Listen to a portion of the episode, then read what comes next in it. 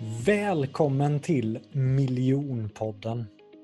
Det finns tusentals föreläsare, coacher, konsulter där ute, men bara ett fåtal kan faktiskt försörja sig på det. Så frågan är, vad är det de personerna gör annorlunda? Varför lyckas vissa personer som föreläsare eller coach och vissa misslyckas? Det jag vill beröra i den här podden, det är det affärsmässiga med att vara en föreläsare, coach eller frilansare. Hur säljer man in sina tjänster? Hur paketerar man sitt erbjudande? Hur ska man marknadsföra sig själv? Hur ska man approacha sig själv i sociala medier? Hur bygger man varumärke? Detta och mycket, mycket mer kommer jag intervjua några av Sveriges främsta experter inom området. Jag själv, Jonathan Ljungqvist, har 10 års erfarenhet från att jobba i den här branschen och jag har också jobbat för och med några av världens främsta coacher. Så att jag är så taggad och inspirerad att ge dig som sitter här och lyssnar hemligheterna bakom det affärsmässiga med att lyckas som föreläsare, coach eller frilansare. Nu kör vi igång! Varmt, varmt välkommen tillbaka till Miljonpodden. Och eh, idag sitter jag faktiskt här med en av mina absolut bästa vänner in life. Eh, och att intervjua honom i min podd känns faktiskt väldigt speciellt. Även om temat är storytelling så känns det som att det kommer bli väldigt häftigt att, att återberätta våra år ihop och hur vi hur vi hittade våran passion i public speaking och i storytelling, jackade in det egentligen med varandra och pratar om det konstant, blev väldigt, väldigt bra på det innan vi gör, gör det som vi gör idag helt enkelt. Att vi kunde sitta i Furusjö i åtta timmar och bara prata om att bygga en föreläsning totalt i en bubbla. Och sen efter det kunde vi prata storytelling och sen kunde vi gå ut och fota så att, eh, att jag kunde hitta en, en person som var lika nördig fast kanske ännu mer nördig än mig kopplat till ämnet kommunikation. Hade jag inte hittat Adam Stumde så hade jag inte varit där jag är idag. Adam har studerat storytelling 6-7 år i USA han är otroligt skicklig filmskapare och det var så vi kom i kontakt med varandra från första början. Adam har klippt och redigerat och skapat en av Försvarsmaktens största YouTube-succéerna genom tiderna, Jägarsoldat. Han har byggt ett av de mest framgångsrika talen som jag har, mormortalet, som Eh, alltså förändrade min karriär totalt. Han har jobbat som Head of Storytelling för David JP Phillips och idag är han helt i sin egen regi och har släppt film mycket och satsar helt på att coacha andra inom storytelling. Adam, hur känns det att vara här? Det känns magiskt. Och eh, så här, blandat taggad, blandat eh, pirrig. pirrig? Det är ju det är första gången jag är med i en podd. Jag tycker ändå det är roligt Adam att eh, när vi träffades så var det ju du som var så här, ah, Jonathan det här är en mikrofon, det här är en kamera, så här ställer man in den. Och inför den här podden när jag har intervjuat så många, och jag har ju Sibbe och massa coacher, Lukas, så var det rätt kul faktiskt att få styra och ställa dig lite med tekniken måste jag ändå säga. Jag tyckte det var klockrent när jag bara så, jag är redo, jag är förberedd. Du bara, ska du ha mikrofonen sådär? Ja, men en sån här mikrofon ska man ju ha nedanför sig, alltså framför. Jaha, ja, jag håller med. Men det, det är en sån vacker sak att ge kunskap till någon och eh, på tal om vad du pratar om att du ville att det skulle handla om. När du, när, för det, många tror jag är rädda för att ge sin kunskap när jag ska hålla i den. Jag, kanske, du kanske har en känsla av att jag behöver alltid vara bäst. Men när du ger din kunskap till någon, det finaste det är när de tar den och gör det till sitt egna och utvecklar den. Jag skulle vilja mm. säga med dig, den kunskapen har kommit tillbaka, den kunskapen jag gett dig, den har kommit tillbaks på sätt jag inte hade kunnat föreställa mig. För uh, nu lär du mig det som du har lärt dig, det, det som initierade vår resa en gång, uh, din resa, det kommer tillbaks till mig och så lär jag mig saker av dig nu. Och det är både nervöst uh, och, och speciellt att byta att hela tiden byta plats. Men när du kan göra det, jag tycker det är magiskt. Så jag, jag är stolt, får jag säga. Tack Adam.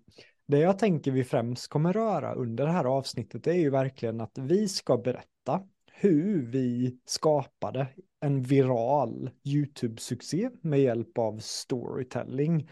Men framförallt också hur vi drev igenom ett sånt massivt projekt. Och i det i den storyn så var det så mycket vi lärde oss där som vi gör idag ändå i våra kurser.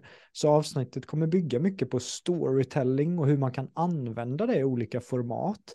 Men jag tänker att det kommer säkert vara väldigt inspirerande för många också att efter det här avsnittet vilja hitta sin radarpartner som man kan jacka in med för tillsammans blir man så mycket starkare. Har du någonting du vill lägga till här Adam? Nej, inte för stunden. Hur, hur sjutton var det vi träffades nu igen? Jag har för mig att jag gjorde ett uh, Facebook-inlägg. Du var i USA och jobbade för Discovery mm. Channel eller vad det var.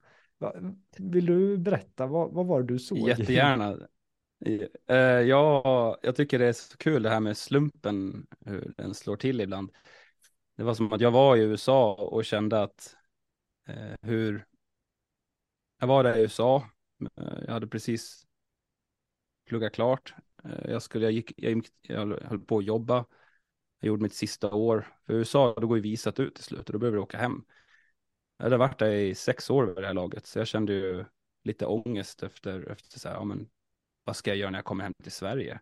Vilken nedgradering det kommer bli. Och så gick jag in på Facebook. Och ni vet, jag är aldrig, jag är sällan inne på Facebook och kollar på de här notifications och allting. Men så såg jag, Eh, någon har taggat, eh, svärmor har taggat mig i ett inlägg där. Och så bara, vad är det här? Så står det, det här är något för dig Adam. Ja, och så kollar jag inlägget, då står det, filmare sökes till äventyr. Typ Jonathan Ljungqvist.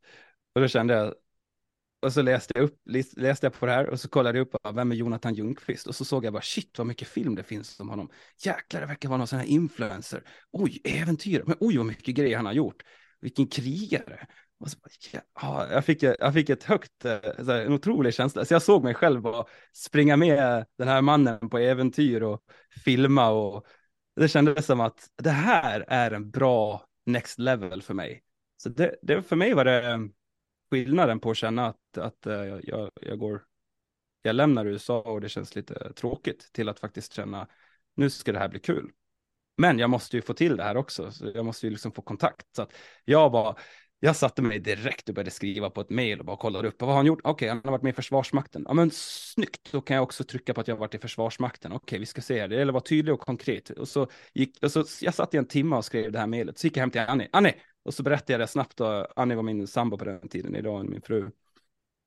Så berättade jag för Annie då, Annie, vi har eh, förklarat situationen och hon bara, okej, okay, vad ska vi göra? Jag bara, nu ska vi kolla igenom det här och eh, ge mig feedback på det här mejlet. Så, så att hon satt verkligen och kollade igenom det här noggrant. Och hon bara, nej, så kan du skriva. Lägg till något personligt, lägg till att du är lite filosofisk och sådär också.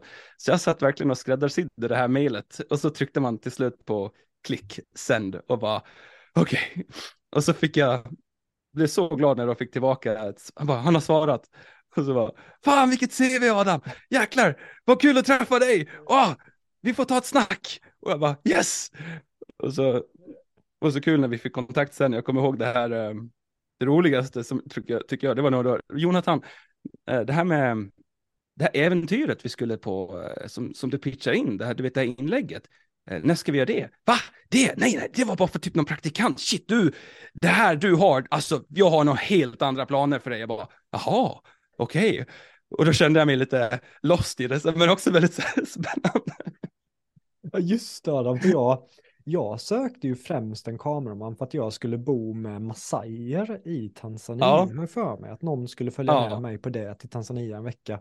Men mitt i de här vevorna så, jag jobbar ju som föreläsare för Försvarsmakten och var less på att uh, åka till Dalarna och föreläsa för 15 pers.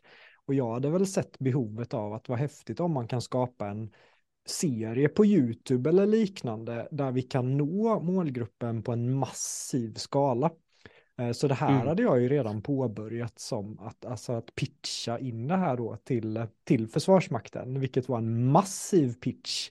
För jag var tvungen att övertyga hur många som helst till att satsa på, på YouTube. Men jag tyckte det var så jävla roligt redan då att, att pitcha saker. Så det gick väldigt bra mm. att pitcha in konceptet. Och till slut då så frågar de att, ja men vem tänker du ska filma det här? Och det enda jag hade sett det var ju ditt CV, men ditt CV skrek bara, jag är menad för det här uppdraget. Så de frågade ju mig att, ja men den här Adam du pratar om hela tiden, vart känner du eller har ni jobbat ihop innan?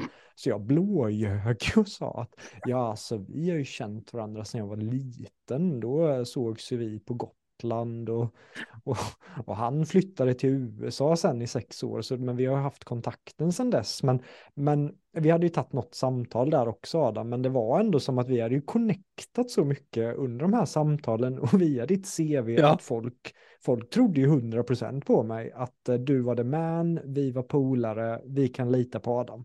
Men jag kände att jag tog en väldig risk med att pitcha in dig utan att riktigt veta vem du var. Ja, men jag, jag kommer ihåg du sa när du sa det också att oh, jag, har sagt, jag har sagt så här Adam och jag är alltid så här, vad, har du ljugit? Nej vad fan, jag tycker alltid det är eh, speciellt när man eh, gör så, men då, okay, men då behöver vi ta det här seriöst, vi behöver komma på en backstory, vad är vår backstory då? Vad, vad har vi för berättelse? Men alltså när jag tänker på oss nu så känns det typ ändå som att jag har, jag har minnen av oss när vi var på Gotland och hängde på något sätt känns det som.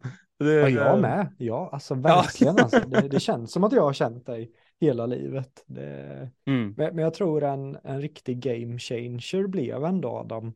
Uh, första gången du kom till Karlsborg. Jag var ju mitt uppe i mitt dykprojekt då. Jag har ju berättat ja. om dykningen i något tidigare avsnitt när jag skulle simma en mil under vattnet och hela rubbet och du kom mitt in i, i den processen med oss. Jag var ju uppe i huvudet om man säger så.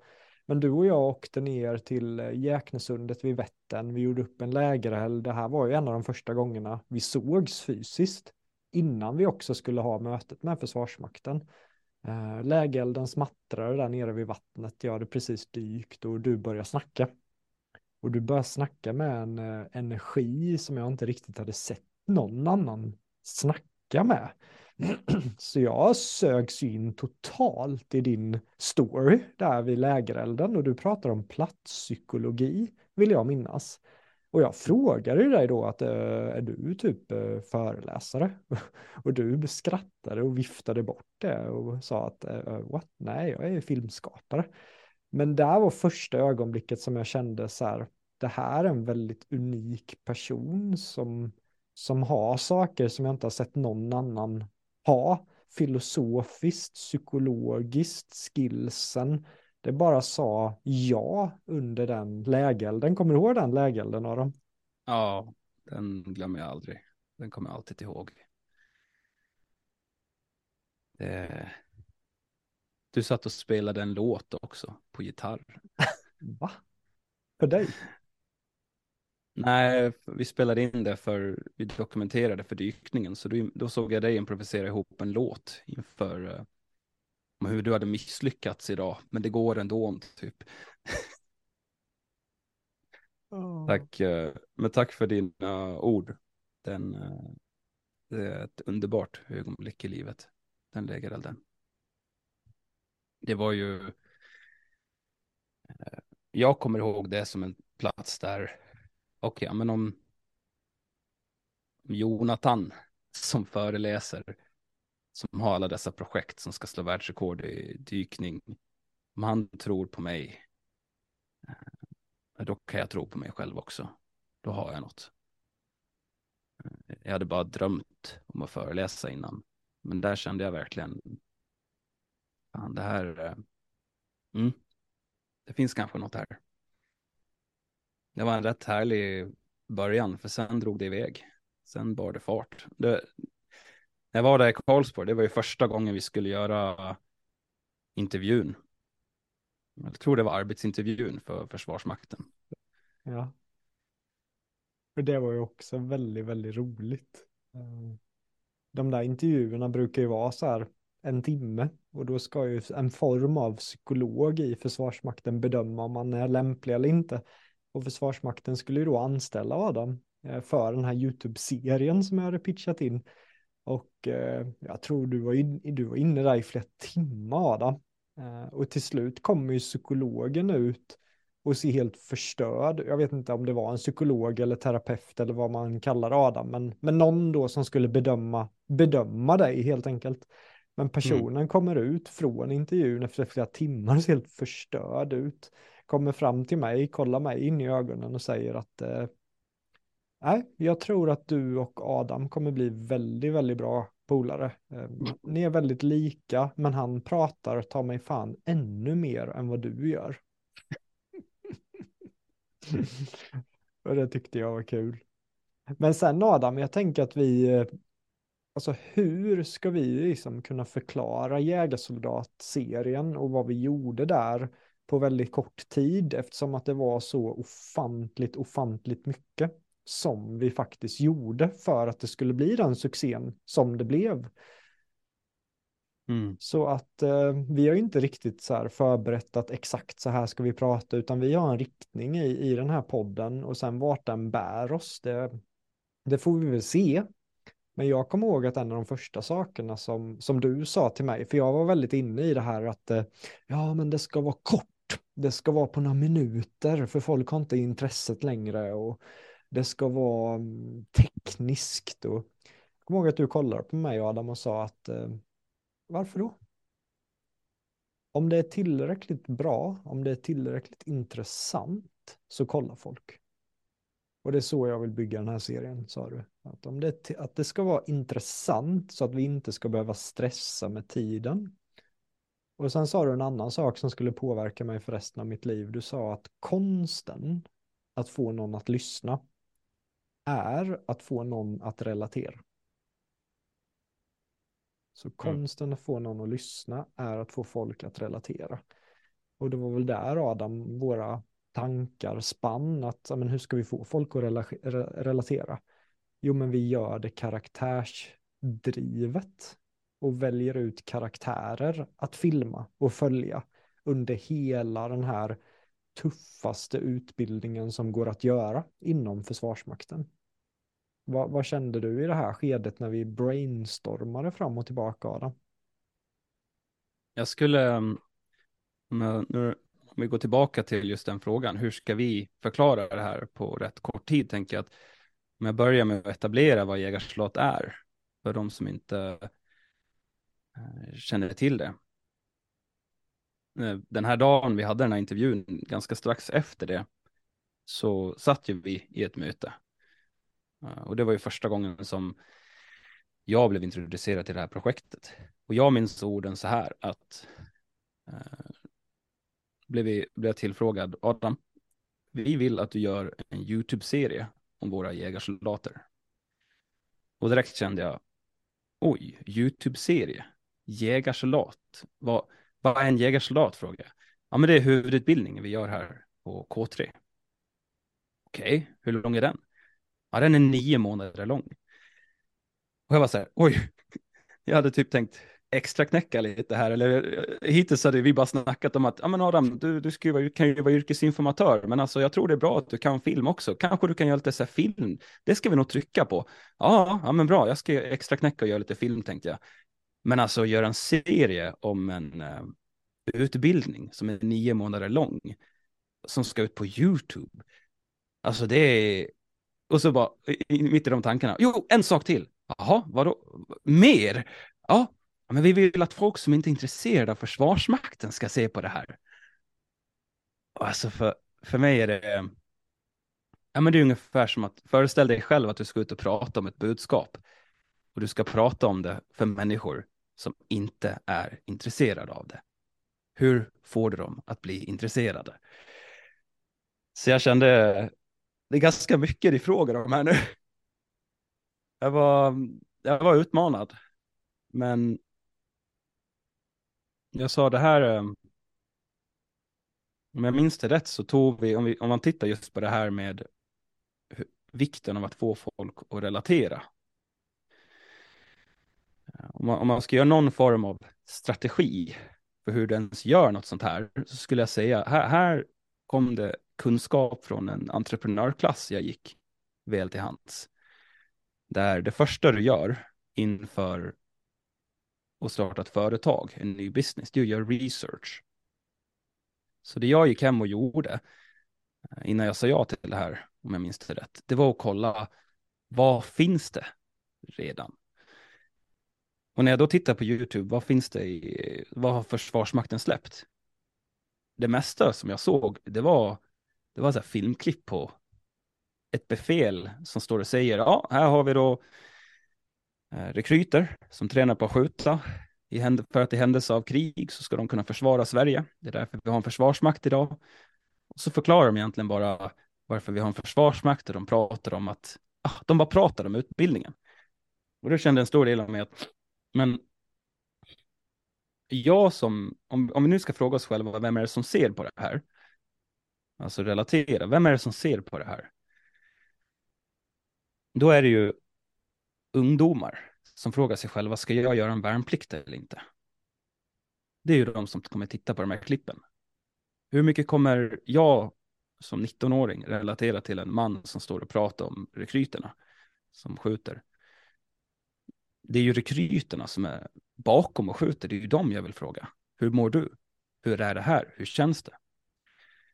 Och så kollar jag vidare på en del klipp jag tycker det, finns, det fanns väldigt lite storytelling. Alltså det mesta är, hej, här är en kamera, berätta, hur är det?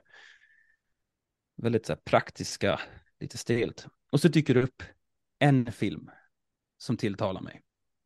Och den hette Blod, svett och bajs.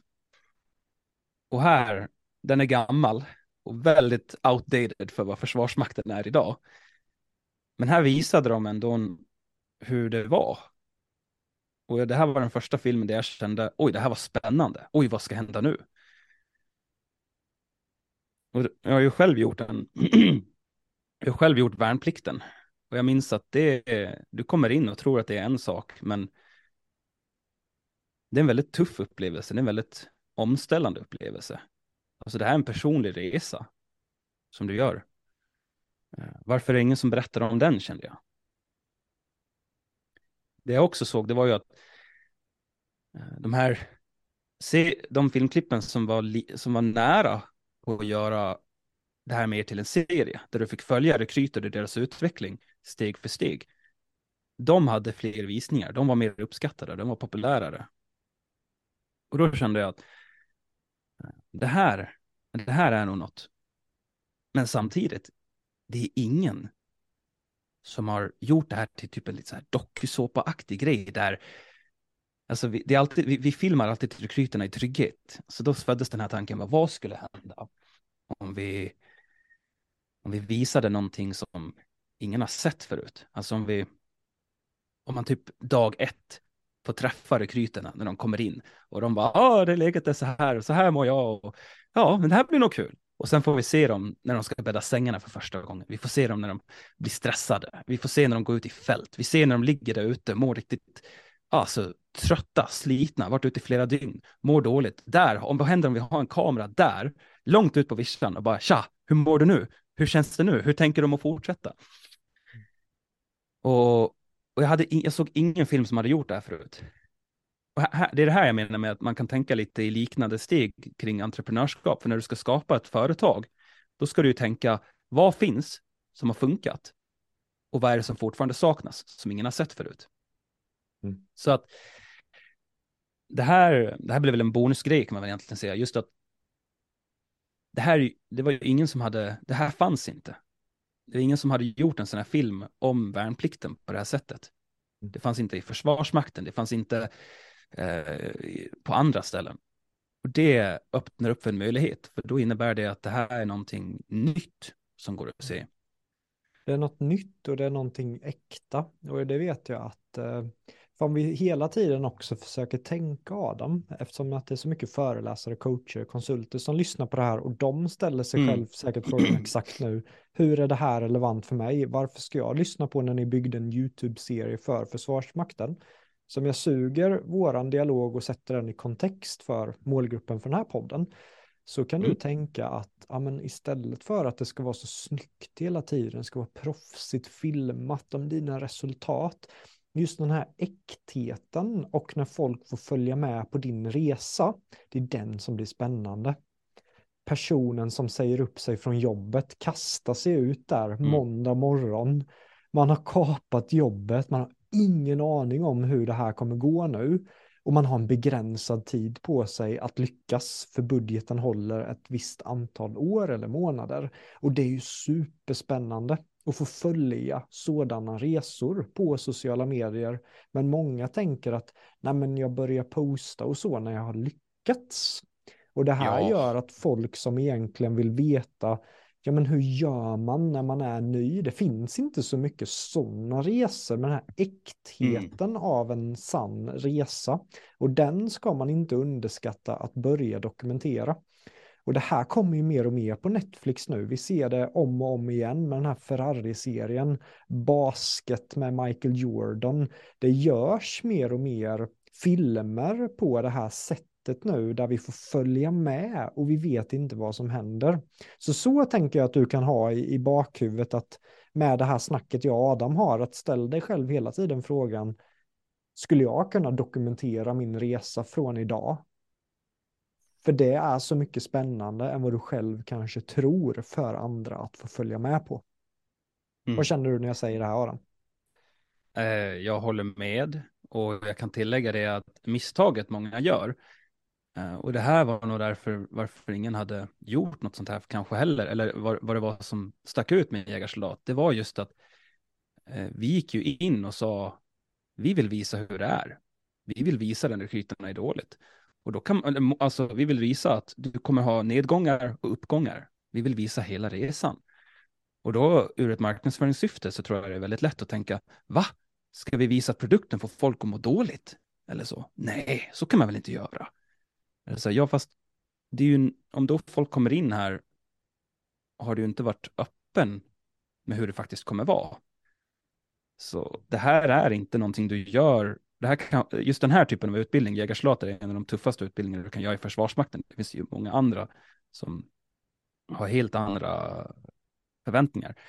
Just den här utbildningen, den resan som du gör som rekryt, den är eh, väldigt krävande och påfrestande kommer vi då tilltala, om vi tittar på målgrupp, kommer du då tilltala människor som vill ha en utbildning där de kommer att växa, de kommer få känna att det här kommer vara lugnt, jag kanske vill utbilda mig, alltså jag vill ha någonting som är lite lugnare och ha en lagom utmaning, kommer det att tilltala de personerna?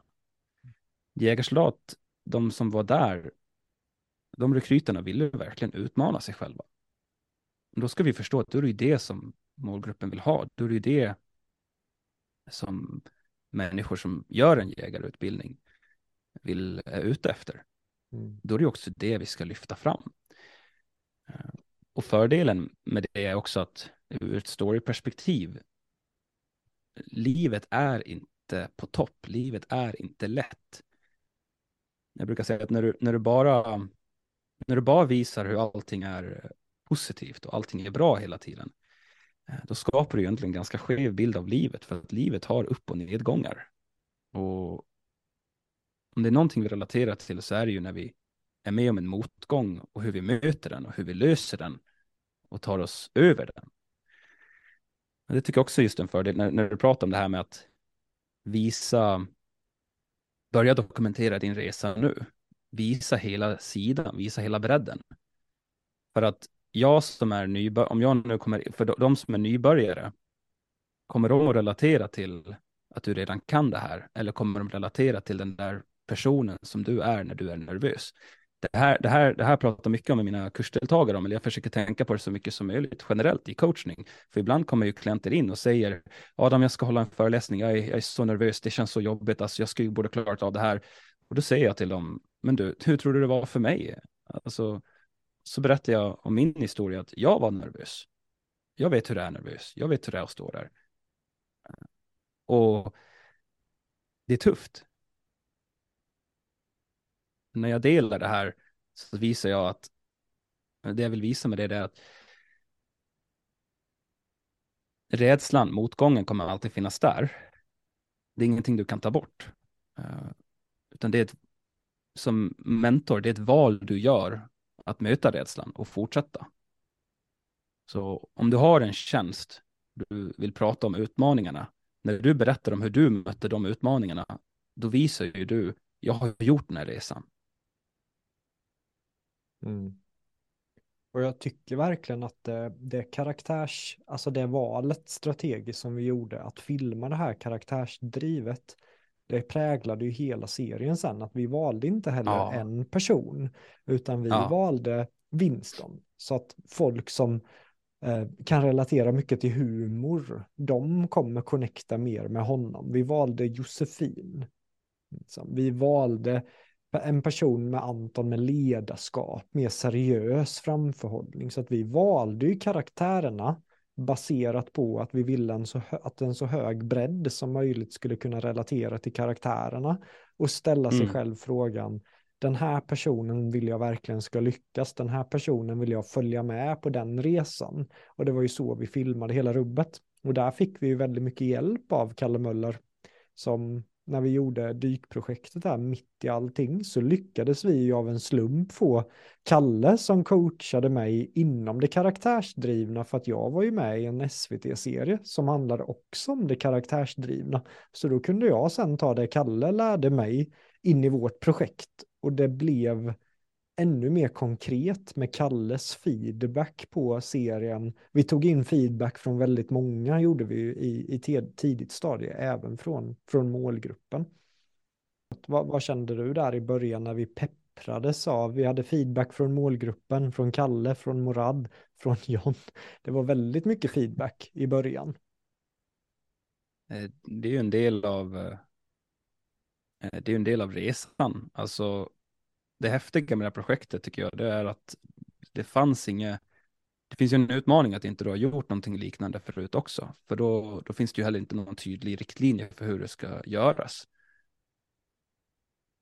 Vi, jag tyckte det var så coolt hur, jag tyckte vi kompletterade varandra väldigt mycket. Jag kände mig inte alls trygg med sociala medier. Och här kom ju du in och sa, men Adam, eh, alltså YouTube, där har folk ingen attention span. Här behöver vi tänka på hur, hur mycket här behöver vi, tänk, det här behöver vi ta hänsyn till. Vad tänker du mer kopplat till eh, det här stycket? Ja, men jag tyckte bara det var en väldigt viktig del och det är någonting som många som lyssnar på podden också kan ha nytta av just att innan man gör den här fine, alltså innan man gör en slutfärdig produkt, se till att verkligen fråga sin målgrupp, vad tycker du om det här? Vad är spännande ja. med det här? Varför gillar du det här? Jag åkte ju för 17 runt till, alltså innan vi klippte klart första avsnittet så visade jag ju en draft på första avsnittet för ungefär 500 ungdomar som var personer som vi tänkte att de här borde vara intresserade. Så jag visade mm. draften och sen ställde jag ju frågeformulär. Eh, fanns det någonstans du zonade ut? Vad var mest spännande? Eh, och då var det ju som att nästan alla sa ju att de gillade det karaktärsdrivna och att de tyckte att det här var en superbra grej. Och sen ringde jag dig Adam som satt och klippte det här och vi fick feedback direkt från målgruppen på det sättet. Mm. Det la också tycker jag en väldigt bra bra grund över det hela. Och sen fick vi feedback från ja, men Alexander Morad. Men hur ska vi posta det här sen? Hur, hur ska mm. vi tänka på YouTube? Så att vi lärde oss ju hantverket sociala medier samtidigt som vi var i processen och lärde oss den. Så att det var bara väldigt mycket intryck varje dag tycker jag. Ja, det var det. Jag kan, jag kan spinna vidare på det här med feedback. Eh, och min erfarenhet eh, kring hur egentligen hela serien byggdes på feedback. Eh, jag tycker, för jag säga så här, om jag säger så här, hade, vi bara hade vi, hade vi bara tänkt, ja men så här ska man göra. Och så hade vi byggt ihop något eget. Och så, hade, är det bara, och så var det bara vi som hade tittat på det. Jag tror, jag tror inte det hade slått igenom. Men framförallt hade vi chansat på ett helt annat sätt. Alltså redan i redan i ett tidigt stadie, när, om man tittar på den här, kul att den här entreprenörsklassen kommer upp, när du nu har din, eh, om du nu har gjort researchen och du känner att oj, ja, men här har jag nog någonting som är nytt och fräscht, vad är nästa steg? Ja, då var det ju, börja testa och bara berätta det, bara provpitcha lite. Eh, så det började jag göra. När folk frågar, ah, hej, sitter på båten, träffar en främling, främling och bara, ah, men vad gör du då? Och så började jag säga, ja men jag håller på, jag gör, jag gör en filmserie, en YouTube-serie för Försvarsmakten. Och direkt blev folk nyfikna. Oj, vad då för någonting? Och då passade jag ju på att berätta pitcha. Och, och då fick jag ju höra om idén av jägarsoldat än svartalande. Och det svaret jag letade efter, det var ju det som kom på slutet eller inte. Och det här vill jag se. Eller, ja, det låter bra. Men alltså, tidigt så märkte jag, folk är intresserade. Men kan man se det? Nej, vi har inte gjort den. Jaha, okej, alltså, det här ska jag kolla efter när det kommer. Så själva idén på konceptet är uppskattad. Det här sparade ju enormt mycket tid. Så bara på det här sättet eh, inkluderade vi målgruppen. Och när vi väl skulle filma rekryterna, då frågade vi dem. Vi berättade om idén för dem och de bara, ah, vad häftigt, jag önskar att det här var något som hade funnits för mig när jag skulle söka. Bara, bara börja tidigt med de här frågorna gör ju att du får en känsla för vad det är du håller på att skapa. Och sen när vi började få de första draftsen, då testade vi att visa den för både rekryter, människor som typ var i målgruppen. Och eh, målgrupp betyder ju mer eller mindre att, att de här personerna som inte är intresserade av Försvarsmakten ska i alla fall känna att de är intresserade av att se på det här. Eh, alltså personerna som vi vill ska titta på det här. Hur får vi dem att vilja titta på det här? Hur gör vi det intressant för dem? Och då börjar du fråga direkt eh, vad är det de kommer relatera till, på tal om att relatera. Eh, men nu pratar vi egentligen bara feedback. Eh, ett starkt ögonblick för mig var när vi hade ett avsnitt, när vi hade den här, eh, ett first draft av produkten, då, jag, jag visade den för kompisar, jag visade den för alla jag kunde tänka på. Och, och det viktiga, det vanliga folk, ett misstag folk gör när de just visar någonting som de har skapat och sen ska de be om feedback. Det är att de sen fyller i alla luckor ah, tyckte du det här var bra? Eller eh, ja, den här serien, det här är ju då en serie om Försvarsmakten, där, där. så tanken är att du ska känna så här.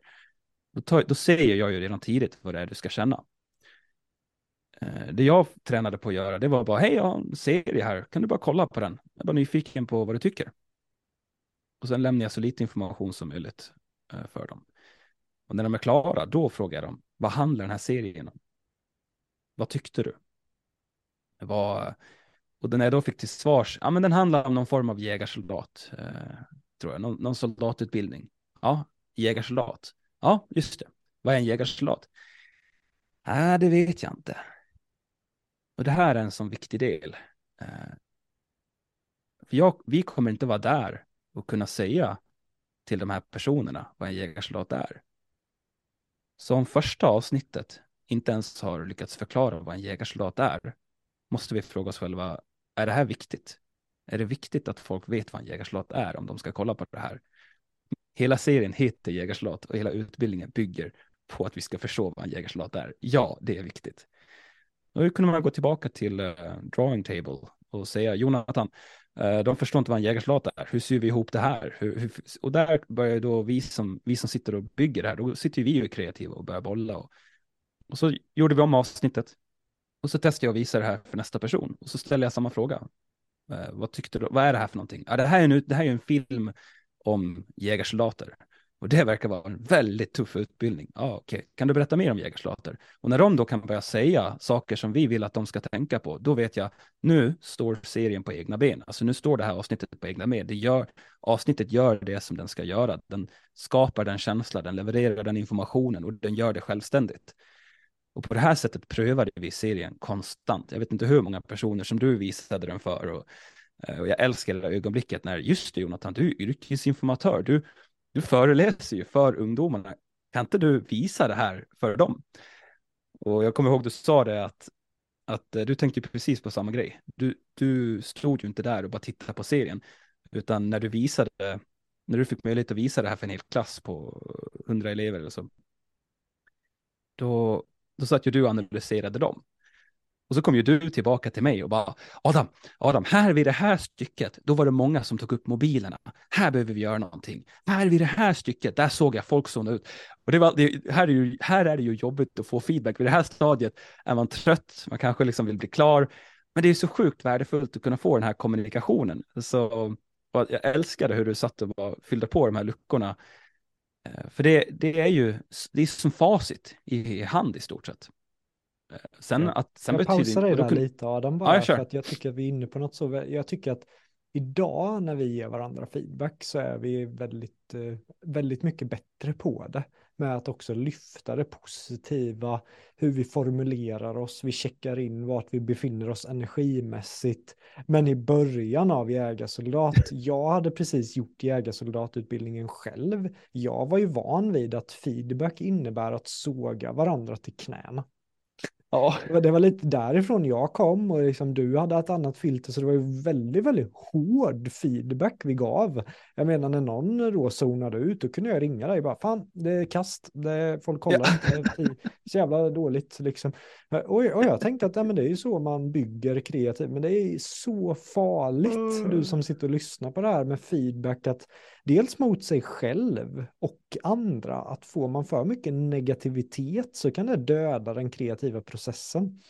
Och sen hade vi ju en av de alltså, största feedbacks eh, personerna som jag hade träffat i form av att John Karlsson kom in i projektet och blev extremt delaktig så jag vill ändå verkligen framea hans namn eh, tidigt i det här avsnittet också. För utan John Adam, då tror jag inte vi hade klarat det här projektet till slut. Heller inte utan Patrik. Det var ju liksom två personer som var helt avgörande för, för projektet. Men John var ju inte övertygad om att du var rätt person i början. Så när Nej. första avsnittet kom och jag var ju så här, ah coolt, eh, det här blev bra. Jag skickar det här till Mm. John, jag hör absolut ingenting. Jag möter John i trappuppgång och jag säger det här med kärlek John för jag tror att du kommer lyssna på det här avsnittet.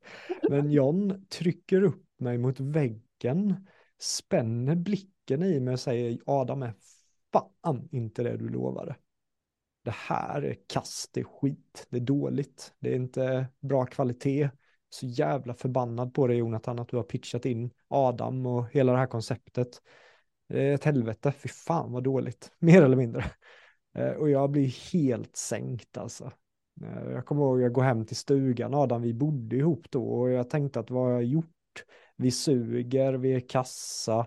Ehm, men på något sätt var väl det Johns strategi i att tända en glöd till att kan vi passa Johns feedback Adam? Kan vi gå igenom John så kommer det bli jävligt bra. Och jag antar att vi bondade lite över det Adam, att John blev i början, han skulle sen komma och bli, bli våran, våran vän och våran anförtrodde rådgivare, men i början var han lite av en fiende som vi kunde bonda över att motbevisa till att vi faktiskt visste bra. oj, oj, oj. Eh, det, ja, eh, i, i, det, det, alltså, om, här kommer vi egentligen in på så här team. Och vi hade ju en, ah, vi var tre personer som i slutändan satt och, tillsammans och ansvarade, ja man hade någon sorts veto i, i avsnitten. Och jag tyckte det var så störande, rent kreativt. Bara, men ja, vad fan, jag är utbildad, ja, jag kan det här, gör bara som jag säger, varför jag... Och så är Jonne van att vara befäl, så när jag kommer där så typ, har typ inte ens en grad och bara, ja så här ska det vara, då lite rekryt som säger till honom vad, vad man ska göra, det kanske tog lite också. Ja men alltså när man, när man pratar om det, alltså det var ju verkligen alltså, grupp, alltså vi lärde oss så många olika områden. Jag kommer ihåg Mm. att vi satt ju och bråkade halva dagar, ibland vi tre. Ja, Men på något sätt så var det ändå våra tre hjärnor. Att John från hans bakgrund som den yngsta någonsin inom Special Forces i Sverige, en av världens bästa multisportare, som inte Mm. lämnar några detaljer till slumpen. Han, sätter han sitt namn på någonting så ska det vara världsklass. Ja. Därifrån kom John. Jag var mer den här personen att eh, vi måste bli virala. Vi måste tänka på sälj och marknad. Jag var ju business-tänket över det hela, hela tiden och du var då filmskaparen som hade mest erfarenhet av storytelling. Men eftersom att du var med John så var det som att du var inte riktigt chefen i rummet. Och det, det var där det klaffade mellan oss tre. Men vi lärde oss ju också att jobba ihop ja men det, jag har ett väldigt, det är väldigt coolt, det, det finns ett ögonblick där eh, vi diskuterade om, om andra eller tredje avsnittet skulle men typ en av feedbacken jag fick det var att andra avsnittet är inte halv, halva det, eh, eller hela tredje avsnittet, eller andra avsnittet ska kapas i tur och ska tas bort. Och då, det pushade ju mig till att så här, gå hem, visa det, återigen kopplat till feedback, visa det för målgruppen. Jag testade bland annat att visa det för Annie, hon var inte i målgruppen, men eh, hon såg ju sig själv nu, hur var jag när jag var 19 år gammal och vad ville jag ha? Och då var ju en av frågorna som var uppe nu, ska vi visa om de bäddar sängen eller inte? Och här brukar jag ju tänka, om ett, som befäl eh, är du ju väldigt trött på att se rekryterna bädda sängarna, för det här gör de ju, det här är någonting de gör dagligen eh, Annis feedback var att det här är det roligaste jag sett. Det är ju det här som gör det så annorlunda. Vi tror ju, vi förväntar oss att det här ska vara en serie där du går in och vi ser på rekryterna hur de går ut och skjuter och de är coola och allting går jättebra. Istället får vi se dem gå in och de tror de ska skjuta, men nej, de ska bädda, lära sig att bädda sängarna. Och då står de där och är jättefrustrerade över att de måste bädda sängarna. Och det är precis så här det är i utbildningen. Så att dels visar vi hur det är, men vi visar också något annat. Och, och vi får se den här, vi får se de som vi tror ska klara det bli utmanade. Eh, och det här var ju verkligen en, en tuff, eh, tung diskussion. Eh, men jag minns, jag, och John, vi, vi kände inte att vi var helt överens i början. Men det är väl här man kommer in någonstans på att lyssna, alltså för det är en väldigt fint stund av att vi, vi lyssnade ju mer och mer och mer. Och för varje avsnitt som gick så såg jag ju hur Johns feedback gör att ja, vi orkar ta det här ett extra lager till och finkammar avsnittet till perfektion. Eh, där jag kanske sitter och är trött. Han sitter och pushar mig. Och vi satt inte och så här, jag vill, jag vill att det ska vara så här, ja, men då, jag, nej, jag vill att det ska vara så här, utan vi satt ju och argumenterade och det var det som var så coolt, för att när vi, några månader senare, när du, jag och John satt och då tittade på avsnitten, då satt ju vi tre och okej, okay, det här tycker jag ska bort. Ja, varför tycker du det ska bort? Ja, på grund av det här, det här. Okej, okay, jag tycker det ska vara kvar på grund av det här, det här, det här. Och så så att alla förde fram sina argument och så bara Jonathan, vad tycker du? Nej, jag är neutral, jag har ingen kommentar på den här. Och då till slut så här, okej okay, Jonathan, du är vågskålen. Uh, du, du, får välja. Och så bara, nej, jag ställer mig på Johns. Fruktansvärt tycker jag var vågskålen. Ja. Där tyckte jag verkligen, även om du och jag Adam kanske var lite mer nära polare just i den fasen så försökte jag inte ja. ta någons, någons parti så, men jag kommer ihåg att uh, projektet blev ju mer än ett jobb för dig Adam. Eh, för mig var ja. väl jägarsoldat att ja, men jag gör mina timmar, alltså, det var askul, men där pausar jag. Det kändes som att projektet för dig efterhand mer och mer blev, jag vet inte, du gick in i projektet så hårt att eh, det var någonting som hände där Adam. Vad, vad var mm. det som hände där? Det var som att det blev personligt helt plötsligt. Det blev svårare och svårare att faktiskt argumentera med dig. Du var vaken sent på kvällarna, du jobbade helger. Det var som att du blev besatt i, i projektet. Vad, vill du dela vad som hände där? Wow. Ja. Men jag har ju, jag visste ju sedan tidigare, jag har spår Eh, av att kunna bränna ut mig själv. Jag har, någon sorts, jag har någon sorts förmåga att sätta projektet högre än mig själv. Och det var... Du vet, när vi pratade om att det här ska... I mitt huvud så brann det här. Folk som är intresserade av det här, inte är intresserade av Försvarsmakten ska se på det här. Jag tror du sa i bilen någon gång att eh, Adam, om vi får 10 000 visningar på det här så är det godkänt. Får vi 50 000 visningar på ett avsnitt, då är det typ över förväntan. Och jag så kände bara, nej, vi pratar inte om det ens. Vi ska sitta och titta på, vi pratar inte om det, vi ska bara titta på avsnitt efter avsnitt tills det, tills det känns bra. Om vi förväntar oss att det kommer gå bra, då, då, då släpper man på garden jag gick in i någon sorts mode där jag, tro, jag tror jag inte såg att det här skulle lyckas. Jag trodde, en del av mig trodde aldrig på projektet. Och det gjorde att jag istället gick in och bara gjorde allt jag kunde för att allt skulle bli rätt. Så jag, jag var en total perfektionist. Men kostnaden av det är ju att du, kan, att du inte möter en, eh, en deadline. Eh, och när inte det sker så hamnar det efter. Okej, okay, hur ska jag ta igen det här? Alla sa till mig att um, vi gör bara ett mindre avsnitt av dem. Och i mitt huvud bara är det katastrofalt. Då felar vi ju hela strukturen. Då felar vi ju med storyn. Alltså, så det existerade inte på kartan att, att ett avsnitt kunde tas bort. Eh, för att jag skulle få mindre att göra. Utan det... Allt, all, ja, jag, jag, jag använde väl någon fras av att jag gifte mig mer eller mindre med projektet. Det kändes som att gick projektet bra mådde jag bra. Gick projektet dåligt mådde jag dåligt. Och det fick, fick, fick, inte, fick inte existera en värld där det här misslyckades. Eller där jag misslyckades. Eh, så jag gick in i en extremt hög prestation och då blev jag ju stressad. Eh, egot tar över väldigt mycket. Och jag kan inte skilja, ibland kan jag nog inte skilja på ja, men att det blir en onödig envishet. Ja, men om du skulle fråga mig idag så skulle jag säga eh, det är okej. Okay. Det är bara en serie. Det är bara ett jobb. Men då så var det inte det. Då var det nästan på liv och död. Alltså, jag menar att det, på... Jag menar att jag kände att eh, jag, be, jag behöver, även om jag är trött, även om jag håller på att krascha, så bara jag gör klart det här så blir det bra. Eh, och det, ja, men det är väl vad som kommer till mig. Mm. Att eh, tyvärr är det en väldigt ohälsosam resa. När, när första avsnittet släpptes det var ju, det var ju nästan kaos. Vi hade,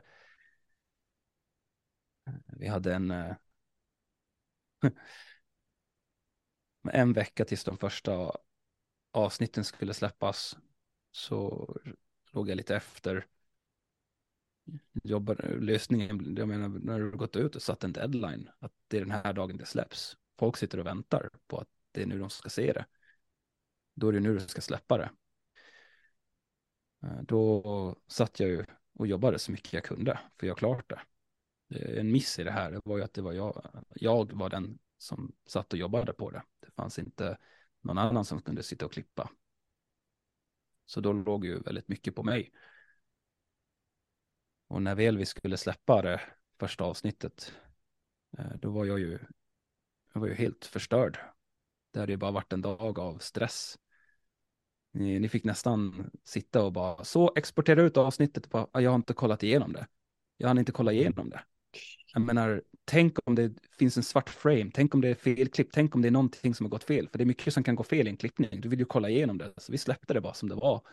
Det, det var bara att exportera ut det, för det, bara, det måste ut nu. Eh, så att min första reaktion när, när serien hade släppts, det var att inte ens titta på det eller tänka på det. Jag kände bara, det, det, är det här det blir så fel. Eh, det är en annan mentalitet, kanske ett annat avsnitt, men när du går in i en sån här prestation, du, du gör det inte för att du tycker det är kul längre, utan det är en mm. tvång. Jag, jag avskydde projektet och jag tyckte det var jobbigt och jag tyckte det, jag mådde inte bra. Och framförallt, jag vågade inte ens själv se på serien. Vi hade jobbat på den nu i över ett år.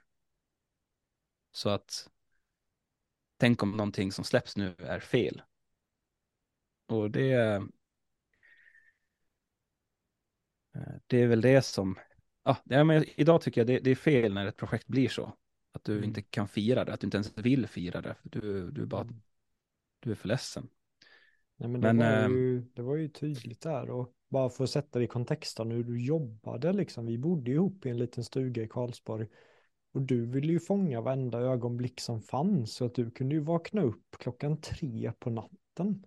Och jag bara ser att du tar på dig grejerna och går ut och filmar. Kommer hem på morgonen och jag tänker att, ah, grymt, nu ska väl han vila lite. Nej, nej, du ska bara byta batterier och sen stack du igen. Och så här höll det ju mm. på under en lång, lång tid. Att du var ute och köttade och filmade och sen klippte du. Så du fick ju inte riktigt den här återhämtnings eh, andan på helgerna till exempel, när jag vilade upp mig, då köttade du. Så, så det bara stegrades ju för dig. Och när vi också hade folk som gav väldigt, väldigt skarpa feedbackar så blev det vi tappade, vi gick från glädjeextas första tiden till att det blev ganska mörkt för att sen att, att vi kunde ta, ta oss upp igen. Men eh, det var väldigt cool tycker jag. Alltså du käftade ju med hela teamet en hel dag om det här extra avsnittet. Jag argumenterade mm. för att vi skulle ta bort det för att skydda din tid. Patrik ringer och du pratar med Patrik i säkert en, två timmar. John ring, men du bara håller din ground. För du vill inte kapa ett avsnitt. Och du, du argumenterar liksom mer eller mindre en hel dag kändes det som. Du sitter vid mitt eh, middagsbord i, i stugan. Och eh, du är nästan tårögd. Eh, och jag frågar dig, är det värt det? Vad fan håller du på med? Eller alltså, vad, vad spelar det för roll? Herregud. Och dunkar du handen i bordet och säger att eh, vem besatt det? Mm. Och du sa det med en sån kraft att jag blev, dels jag blev två sidor, jag blev inspirerad för jag tänkte fan vad coolt. För jag hade precis sett Tony Robbins säga exakt samma sak, så jag bara, oh, han är som Tony Robbins. Men sen blev jag också orolig eh, för dig. Jag tänkte att shit, det är jag som har pitchat in det här konceptet. Det var jag som rekryterade Adam. Är han nu på väg in i väggen, då har jag en del av det. Eh, så vad ska jag göra som vän här? Mm, så det var väldigt så här conflicting i det, i det skedet. Mm. Jag har lite minnesluckor. Eh, Från Men, den äh... tiden. Jag tror Adam, där vi, där vi fyllde på din energi, det var ju de dagarna i Furusjö när vi var så här, vi skiter i att klippa idag. Och så frågade du, ah, vad ska du göra nästa vecka? Och jag sa, äh, men jag har 16 föreläsningar nästa vecka. Och du börjar fråga om det och så sa du typ att, ja men kan du inte repa för mig i inledningen? Så gjorde jag det för dig. Och där såg jag ju bara att din blick tändes. Och du ställde dig upp, du gick in i en coachande mm. roll. Du pratade med mig, för du har ju bakgrund inom teater i USA och har regisserat skådespelare, hittat sina känslor. Du kunde ju jättemycket sånt insåg jag ju där mitt i allt att oh herregud vilken, vilken coach jag har i Adam. Så du coachade ju mig liksom vissa kvällar och förberedde mig inför vissa föreläsningar och det var ju en kväll i Karlsborg framförallt där vi höll på i flera timmar där du sa, mm. ah, men pusha dig själv lite mer energi, lite mer, lite mer. Till slut kändes det jätteobehagligt för mig och du sa, där, där känns det bra Jonathan kör det under din föreläsningsturné. Eh, och jag gjorde det eh, och jag fick feedback som jag aldrig hade fått innan och jag kände så här, shit Adam kanske jobbar med fel yrke, för jag ser ju inte att han är glad när han sitter vid sin dator. Men när han står upp och han coachar och han pratar föreläsning och han pratar om hur man kan använda storytelling, då var det som en helt annan person.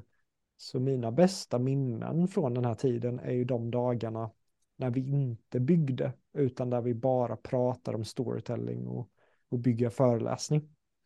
Mm. Ja, det var, det var dubbelmoral för eh, det kunde vara, jag måste sitta och klippa. Eller så här, jag sitter liksom och tänker, jag, behöver, jag har min deadline här, jag behöver sitta och klippa, idag ska vi sitta och klippa och så börjar du prata om någonting, vad, vad spännande liksom. Ah, där, berätta lite mer, och så sitter man till slut där och eh, så här, blir lite procrastination, och så sitter vi, så börjar vi gika loss och plötsligt så bara, så nu är vi klara. Och du bara, ja, ah, gött. Adam, jag går och lägger mig nu. Så bra jobbat, ta en paus nu. Nej, jag ska fortsätta att klippa. Va? Ja, ja, nu har ju gått alltså tid till det här. Vi har ju fortfarande deadline, så jag behöver fortsätta att klippa.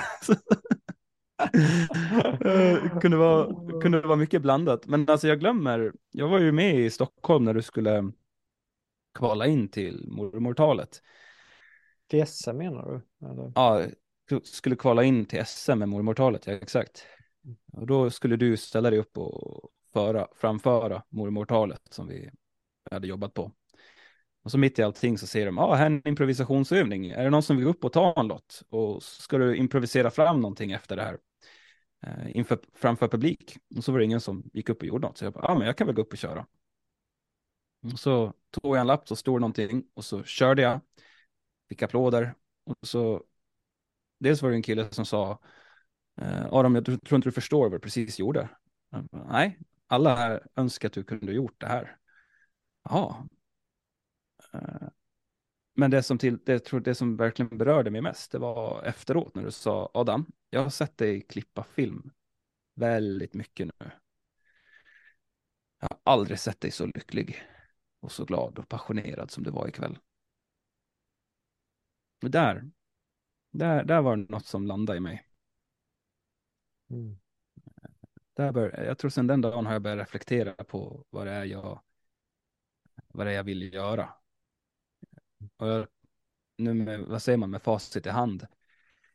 Eh, jag ville att Jägarsoldat skulle lyckas. Jag gjorde allt för att det skulle slå igenom. Det var, det var målet. Och det gjorde nog, det gjorde att jag inte njöt av resan. Mm. Utan man kan nästan säga om du, om du känner att det är mycket stress och att det inte är kul. Alltså på riktigt, det är inte kul. Men du måste, det är ett måste. Då, då behöver man nog ifrågasätta sig lite om, om, om man gör det på rätt sätt eller om man ska ändra någonting och så. Jag, jag har en helt annan känsla idag. Du, du sa ju det här med att jag inte återhämtar. Jag visste ju inte ens vad återhämtning var. Jag hade aldrig hört det ordet. Vadå sätta sig och vila? Varför ska man göra det? Oh.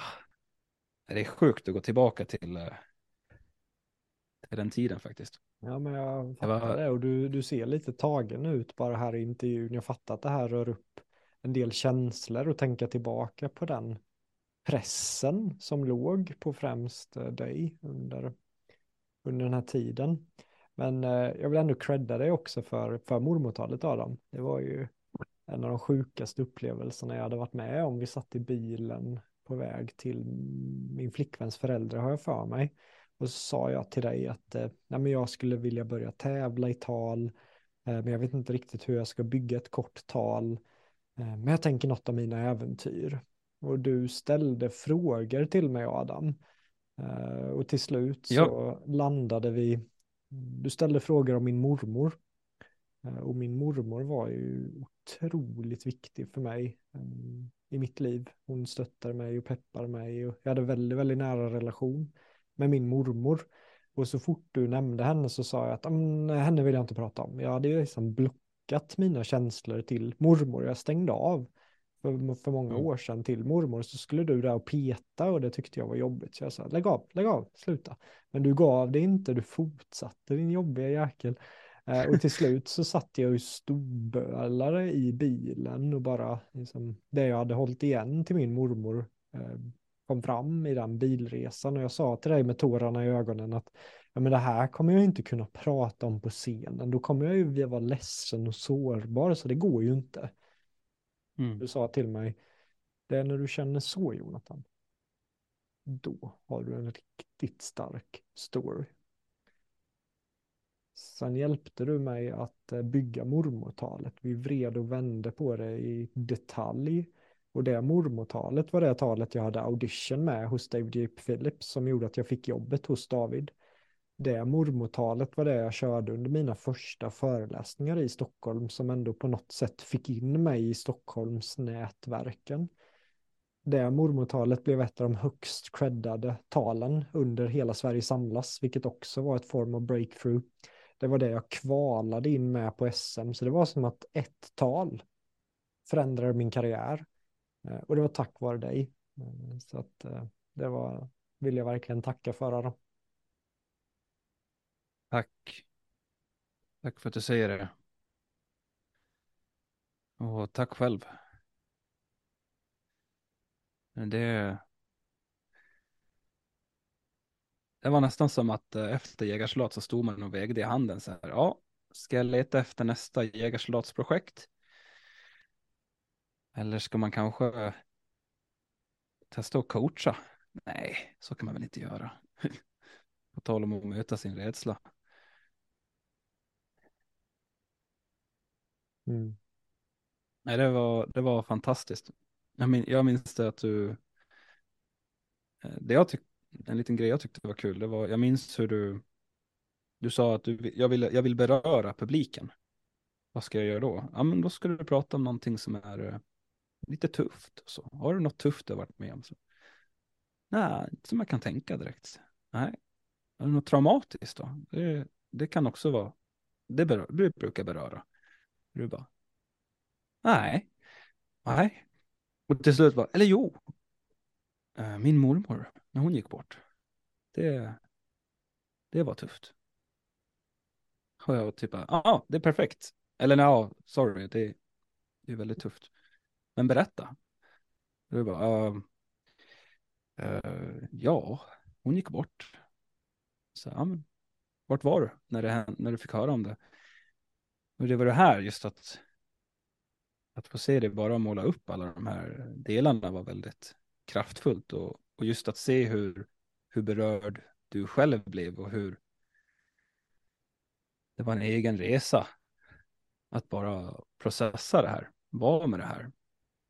Men att få se dig gå från, från det till att växa och berätta historien om din mormor och hur viktig hon var under dina äventyr. Jag fick ju se i varje draft hur det var som att du var mer och mer tacksam. Du var mer och mer, alltså du var i det. Tydligast det var när vi var på en utbildning och eh, du höll i en utbildning. Så skulle vi göra en tacksamhetsövning. Och då sa du det till alla, nu ska vi göra en tacksamhetsövning. Jag ska börja med att dela något jag är tacksam för. Och så sa du, jag är tacksam för min mormor. Och det, då insåg jag, för mig kändes det som att du hade, du mindes henne på ett annat sätt. Du, mm. du det, var, det fanns tacksamhet.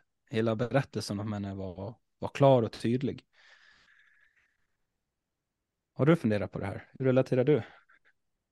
Nej, men jag tycker att hela det där blev ju som en eh, form av coachning slash terapi, tycker jag. Att eh, börja dela mer om mormor eh, och mm. inte vara rädd för att möta de känslorna som, som skulle kunna komma.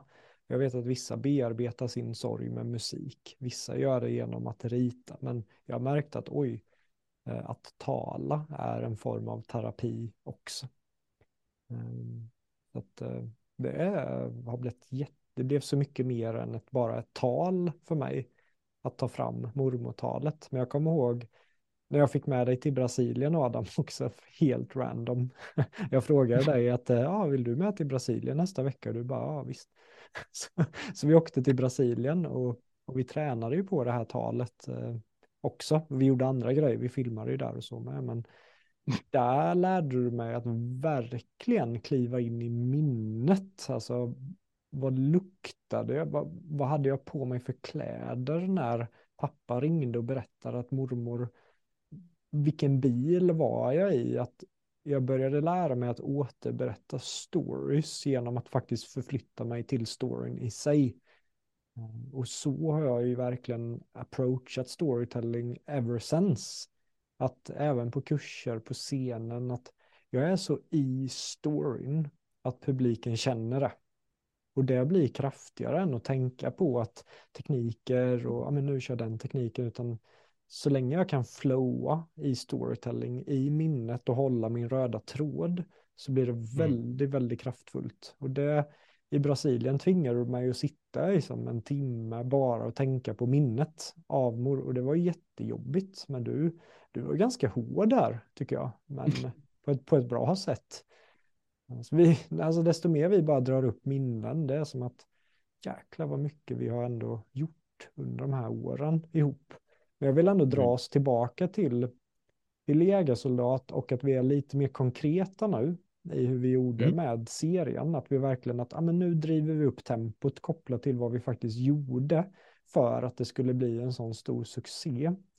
Så jag tänker att jag, jag, jag droppar några grejer och du tänker att okej, okay, men vi kör på för klockan tickar ju. Och så, så blir det ju när två polare går in i sitt liv ihop, att tiden kan ju bara försvinna. Eh, så att nu tänker jag att vi verkligen fokuserar på de som lyssnar är intresserade av YouTube, marknadsföring och allting. Nu kör vi på i den delen helt enkelt. Känns det okej okay, Adam? Absolut. Så för mig, när vi byggde Jägarsoldat, bortsett från det karaktärsdrivna, bortsett från att vi var ett grymt team, bortsett från att vi hade gjort våran hemläxa med våran målgrupp, så tyckte jag framförallt att det var två skeden i varje film som var väldigt, väldigt viktiga och väldigt, väldigt relevanta. Det var inledningen och det var avslutet. Mm. Och med inledningen så lade jag grunden till, jag jobbar ju mycket med hooks och du jobbar med andra grejer Adam, men för min del blev resultathooken alltså superviktig och relevant med första minuten. Mm. What's in it for me? Hur kan vi få mm. första minuten på varje avsnitt och bli väldigt, väldigt spännande? Och där satt jag ju ofta och klickade på första minuterna, frågade mig själv på en skala 1 till 10, hur taggad är jag på att se det här? Vad skulle vi kunna göra annorlunda? Kan vi lägga på något oväntat här? Kan vi lägga på något dramatiskt här som gör att folk hookas under första minuterna av avsnittet? Är det något du vill lägga på där till första tanken egentligen för varje avsnitt? Vad, vad tänkte du där Adam? Men, eh, det, jag har en Äh, när, du, när du först sa till mig, Adam, det här är YouTube. Om inte folk är intresserade, då kommer de att stänga av. Då började jag experimentera med en struktur. Så här, om, okay, hur, hur, hur ska vi göra? Hur ska man tänka egentligen för att fånga folks uppmärksamhet? Uh, och jag, för mig resulterar det här i tre steg för hur du förhandlar fram tid. Och de här kan du applicera i en föreläsning, i sociala media, i ett inlägg. Eh, egentligen på eh, det mesta när det kommer till att fånga någons uppmärksamhet och förhandla fram tid. Och det, det som jag landar i, det, det första steget, det är att hjärnan är konstant överpumpad med information. Vi behöver här vill du lägga, du vill alltid börja med någonting som bryter mönstret. Och det som bryter mönstret, det är ju en förändring. Hjärnan skannar efter förändringar. Du kanske har suttit i sociala media och allting som känns naturligt och inte tilltalande, det är ju sånt som du scrollar förbi. Och sen plötsligt, bara, oj, vad var det där? Bara det där, bara den saken, att det sker en förändring som får dig undra, oj, vad var det där? Det får dig att bli nyfiken på att höra lite mer. Och här har man köpt sig lite tid. Och då kommer du till steg nummer två. Och det är att här vill du börja förhandla. Okej, okay, vad är det här för någonting? Och vad betyder det? Jo, det betyder var väldigt tydlig med vad är det du kommer få ut av de här 13 minuterna eller av den här föreläsningen eller av det här sociala medieinlägget. Gör någon sorts hook om vad det är vi kommer få ut. Och det här kommer verkligen din resultathook in, att, att eh, tydliggöra vilket resultat eller vilken lärdom kommer jag få ut av det här.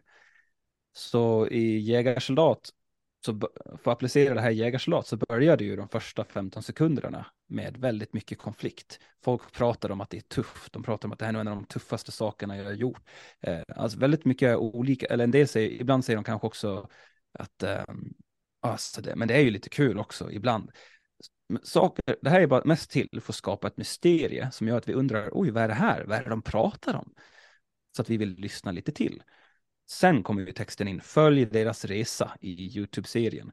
En um, utbildning på 251 dagar, uh, ett, ett gemensamt mål att bli jägarsoldat. Och till det här så är det ju pampig musik och uh, massa bilder så man får en liten känsla för vad jägarsoldat är.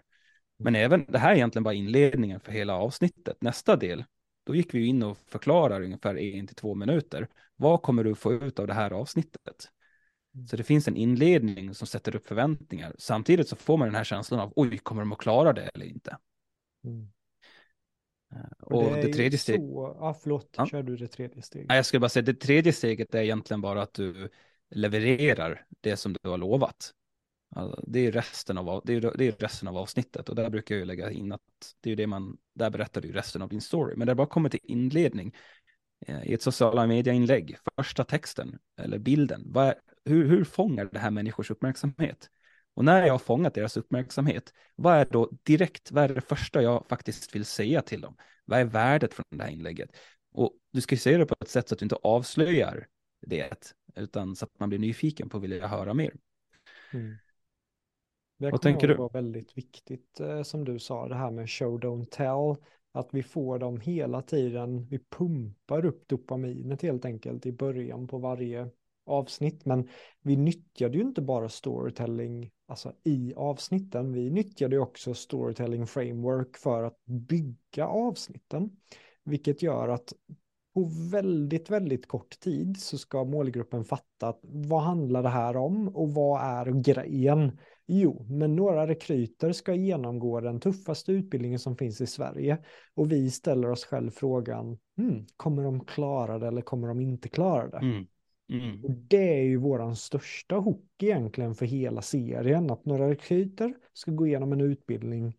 Rekryterna, till exempel när vi filmar Josefin, och folk vet att det här är jägarutbildningen och Josefin, väldigt kort, ganska liten tjej, kommer till eh, dag ett och säger att åh, jag vet knappt var jag har hamnat, säger hon. Eh, och hon, eh, hon ska ju då bära liksom 40-50 kilo framöver. Det blir en enorm konflikt i det här. Och vi ställer oss själva frågan att oddsen att hon kommer klara den här kursen är väldigt liten. Men jag ska se hur det går för henne. Så desto större utmaning man kan måla upp, desto mer spännande blir det. Därför gillar mm. folk underdogs och därför valde vi inte fem av de största muskliga killarna att följa karaktärsdrivet. Utan vi valde det strategiskt också för storytelling frameworken. David och Goliat är en fantastisk story för att David, ingen tror på David. Det finns ett gigantiskt problem här. Kommer David dö eller finns det någon minimalistisk chans att David kommer lösa det här? Eh, så den frameworken satte vi ju dels in i jägarsoldat generellt men också för varje avsnitt mer eller mindre. Ett mm. avsnitt, aldrig ge upp veckan, kommer de klara det eller inte? Eh, mm. Jägarprovet, kommer de klara det eller inte klara det? Eh, så den tycker jag blev väldigt viktig, dels för hooken i, i början och för hooken av själva serien. Sen tyckte jag att du var episk på, på slutet Adam, så föddes ju min cliffhanger-hook. Och den tycker mm. jag du var riktigt, riktigt grym på att i slutet på varje avsnitt så ville ju inte vi att folk så här, stäng av YouTube, nu kan du kolla på nästa avsnitt någon annan gång. Nej, nej. I slutet på varje avsnitt så händer något dramatiskt som man mer eller mindre tvingar sig själv till att kolla på ännu ett avsnitt. Och det här fick vi mycket inspiration från, från Netflix bland annat när vi satt och kollade på hur gör de, hur gör de bästa i världen för att hooka oss och, och, och få åhörarna att sätta på nästa avsnitt, sätta på nästa avsnitt. Vad, mm. vad var viktigt för dig med en cliffhanger Adam? Det kan ju egentligen, kan du någonstans sy ihop cliffhanger och en inledning, för de är väldigt lika. De har egentligen bara en speciell skillnad. Eh, att det här, just den där frågan, hur ska det gå? En, en story föds ju gärna som ett mysterie. Alltså Livia, hon gav mig en handduk igång och den var ihopvecklad. Och så sa hon, här pappa, du får en present. Och jag bara, va? Vad har hon nu tänkt? Och bara det undrar man ju, vad har hon gömt i handduken nu? Så när jag vecklar upp den så ser jag, det är inget där och så bara, vad snopet. Det var ju en present, men det är inget där. Hon är, hon är fyra år gammal. Men för mig så fanns det en lärdom. Och det var att jag var, även om inte det fanns något där, så var jag nyfiken på att öppna upp den här för att se om det fanns något där. Där har du hemligheten bakom att fånga folk och fängsla människor. Hela tiden skapa ett scenario där det är tydligt, det är tillräckligt tydligt för att vi ska undra hur kommer det här, för att vi förstår vad det är som ska gå, men hur det kommer sluta vet vi inte. Så, och det här gör du egentligen genom att sätta i en berättelse så sätter du ju ett, ett form av mål, som du sa, nu ska de bli jägarsoldater. Men istället för att säga kolla, vad, vilka stora, kolla här vad goda förutsättningar de har för att klara det här så lyfter vi fram kolla vad, vad mycket de har emot sig för att lyckas med det här. Det är ju en blandning att man ser dem lyckas och har det tufft. Eh, och det är det som väcker den här frågan, men hur ska det gå? Och i en inledning så säger du egentligen bara kolla på det här avsnittet för att se hur det ska gå. Medan i en cliffhanger då målar du upp, kan du måla upp det här på samma sätt. I nästa avsnitt ska rekryterna åka på en vinterutbildning. Och det här kommer att vara kallt, det kommer att vara, alltså de ska åka upp till Kalix, det kommer att vara 20-25 minus, kanske kallare. De ska bada isvak och det här har de aldrig gjort förut. Hur ska det gå? Det får du se i nästa avsnitt. Men hade det varit en inledning så hade det varit hur ska det gå? Det är vad du ska få se i det här avsnittet. Mm. Och jag vill bara lyfta en grej eh, till cliffhangern var den faktiskt kommer ifrån så man förstår att eh, cliffhangern det är lätt att tänka att det är något så här poetiskt vackert men det är, det är ren business. Cliffhangern föddes på, eh, från business. Alltså i, om man nu säger i Hollywood när de började göra serier på tv och reklam kom in. Då blev det ju väldigt avgörande att när vi ser på det vi vill se på i en film och plötsligt kommer det reklam. Då kommer vi att gå och kanske göra något annat. Hur får du personen att komma tillbaka? Och det här är lite moment 22, för att tv-stationerna, de behöver reklamen, för det är ju där pengarna kommer ifrån. Det är ju tv, det är tv-reklamen som dels betalar för alla serier. Så utan reklam kan vi inte göra film. Med, men med reklam innebär det att vi måste, också måste ha med reklamen. Hur får vi dem att fortsätta titta? Om du tittar på tv så ser du att eh, innan reklam så kommer det oftast en liten sån här, oj, nu händer det något och man undrar, nej, hur ska det gå? Och sen, nu är det reklam, dun, dun, dun. Ja, och då sitter du där. Det där var en cliffhanger. För att du kommer tillbaks. Och i slutet av avsnittet så kommer det gå en hel vecka innan du får se den här nästa avsnitt. Ja, ska vi bara säga till dem, ja, vi syns nästa vecka, tack och gott, hej då. Och så kommer folk inte tillbaks. Eller ska vi få dem verkligen att komma tillbaks? Ja, då kommer det en cliffhanger. Så om du, om du inte vill fastna i det här, nu är det benchwatching på Netflix istället, så nu gör man ju en cliffhanger och så ser du, jag skulle bara se på ett avsnitt, men det blev åtta avsnitt. Eh, så vill du undvika det, då ska du stänga av till precis fem minuter innan avsnittet. För det, där någonstans kommer det komma en ny cliffhanger. Ja. Och fängsla dig och får du vilja se mer. Och jag vill återigen flika in med de föreläsarna och coacherna och bara, ah, men vadå, vadå, vad fan, vi håller ju på att bygga föreläsningar, håller kurser, vi gör inte ens YouTube. Nej, mm. men det var ju den här kunskapen. När du och jag drillar det här Adam under två års tid. Hur får vi någon att lyssna på YouTube där attention spanet är ännu kortare med cliffhangers, med resultathookar och alltså all den här kunskapen när Aron Andersson sen Eh, och Pärleros och de här som, som i samband med det här ville att jag skulle bygga deras föreläsningar där vi hade mer tid på oss. En föreläsning kunde ju vara 90 minuter och inte en kvart.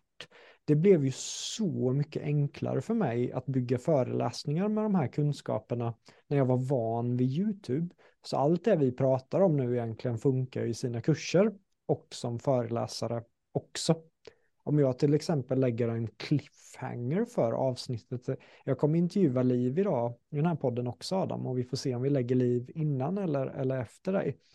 Men eh, om jag skulle säga så här, utan en cliffhanger-hook på liv, ja, nej, men jag ska intervjua liv om offerter. Blir du taggad på det Adam? Eh, nej. nej, det låter ganska, ja, undrar lite, ja. Men om jag lägger en cliffhanger-hook på avsnittet med liv så kommer det låta i stil med att eh, en av de största affärerna jag har gjort i hela mitt liv har resulterat ungefär 700-800 000. Och jag kommer aldrig glömma när den här företagskunden sa mötet hade gått jättebra, det här har gått bra, men kunden säger skicka en offert och efter det tar vi beslut. Och jag hade inte gjort det på ett sånt stort upplägg. Liv var min koordinator då, så jag sa till Liv att Liv, jag vill att du lär dig allt om offerter. Den här offerten måste bli grym. Eh, så vi började studera, jag och Liv, offerter, hur ska man jobba med pricing, hur ska man lägga upp det, vad är viktigt, vilket offertverktyg och hela rubbet. Och eh, till slut så skapade vi en offert efter många, många, många timmar till den här företagskunden. De signade direkt, sa jag, och de sa väldigt proffsig offert. Sen den dagen har jag och Liv byggt ungefär kanske 70 offerter ihop och hade en 90-95% i hitrate i folk som tackade ja på offerterna, vilket visade sig vara väldigt, väldigt, väldigt högt jämfört med många, många andra. Eh, och idag är Liv då offertexpert. Hon står på egna ben och har samlat på sig ännu mer kunskap om offerter. Så vi kommer ha ett en timmes snack bara om offerter, hur man skriver säljande offerter som höjer dina odds till att få affären. Blir du taggad på att lyssna på det Adam? Ja, definitivt. Sen känner jag ju till Liv också och allt det här ni gör. Men, jag, men med, med, med det här sättet så blir det så tydligare eh, resultat, just det här vad är det jag, vad är jag kommer få ut? Vad är det lyssnaren kommer få ut? En cliffhanger om liv.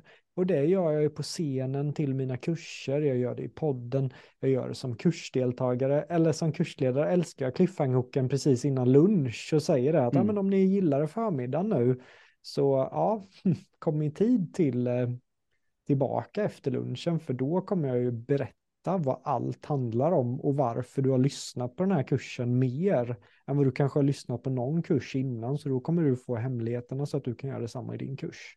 Lägger man en cliffhanger upp, folk står ju tio minuter innan vi börjar vid dörren. Så cliffhanger-hooken med resultathooken där i början och slutet. Blir man väldigt, väldigt skicklig på det så kan man använda det på så många olika format. Det är väl det jag vill säga med, med de två. Klockrent exempel. Vi jobbar ju också väldigt mycket med motargument eftersom vi hade folk som inte var intresserade av Försvarsvakten. Ja, men vad är deras argument till att de inte är det då? Så vi listade ut målgruppens motargument och vi byggde in det i serien. Vad var din takeaways på hur vi jobbade med att möta folks motargument? Då? Just, jag undrar, det, var, det här känns mer som eh, din bit. Det var du som kom till mig och sa det här är motargument. Du kände ju, mål, du kände ju till eh, målgruppen allra bäst. Så det här var ju någonstans du som gick in och, och förklarade det. Eh, och det enda jag kan tillägga det är väl att i en, i en story tänker vi någonstans på att, att inkludera det här och ta med det här och diskutera det här. Mm. Ja, men eh, ja, jag ville passa över för jag kände som jag hade snackat så länge så jag bara, äh, nu får du prata. ja, vad fint. men, Ge plats, men, ta plats. Jag tyckte den var, den var väldigt, väldigt viktig för att eh, mm. det var på något sätt den som fick folk att verkligen bli taggade. För vi, vi, vi lyfte ju alla frågetecken att ja, men vi tog sängbäddningen men vi förklarade också varför sängbäddningen mm, var där. Och kom det för motargument till det?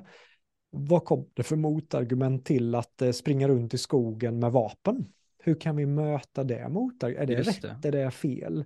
Så att eh, hela serien smattrar ju av motargument som vi möter i serien. Och jag tycker det fanns ett fint i Kalix där uppe när vi filmade vinterlandskapet, att folk faktiskt satt och läste en bok. Och det ja. hade vi typ inte sett den målgruppen göra innan. Och så var det ju någon av dem som sa att eh, känns bara som att man blir mer närvarande och kan liksom vara mer i nuet. Och så kom det snacket in och vi bara, mm. oh, det här är bra, alltså bra grejer. Så byggde vi in det. Så väldigt mm. mycket motargument eh, vill jag minnas i alla fall eh, innehåller serien. Ja, nu när du säger det så här så fick jag upp jätte, fick jag upp flera tydliga grejer.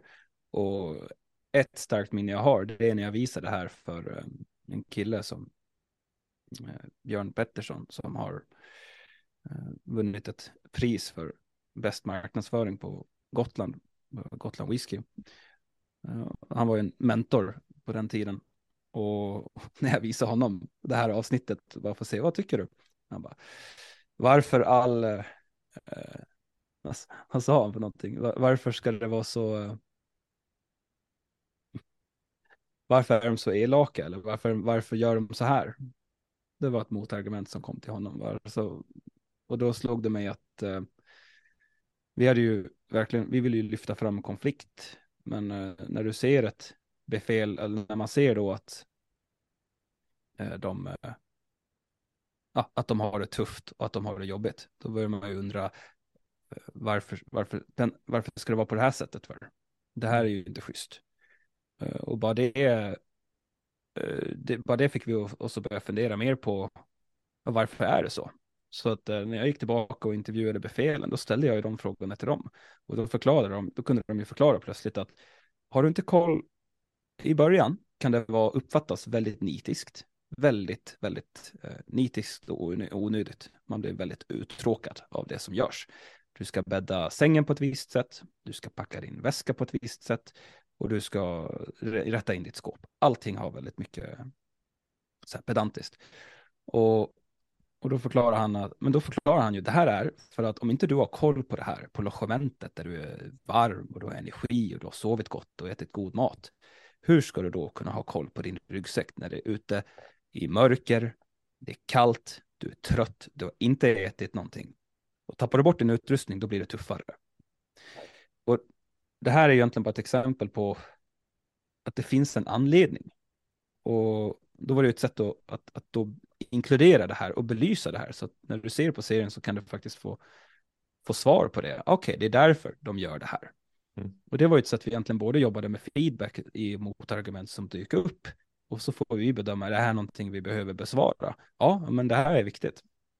Mm. Och... Ja, men det var jättebra att du ställde så tydliga frågor tycker jag till, till befälen. Jag lärde mig bara av att sitta och lyssna. För det var ju saker jag själv också satt och grubblade på. Eh, så att eh, det var jättebra tycker jag. Ditt sätt att intervjua. Mm. Intervjuerna var, vi hade ju kunnat snackat om det här hela dagen känner jag. För att det var så många grejer. Bara, bara intervjuerna gjorde du jävligt bra tycker jag. Alltså hur du riggade upp det, du hade ögonkontakt, du slog på kameran. Eh, du liksom, mm. Det var ju en konst det du gjorde bara när du intervjuade karaktärerna och, eh, och befälen. Mm. Var det någonting du vill tillägga till din intervjuteknik Adam? För det där var ju ändå någonting du hade jobbat mycket på i USA också.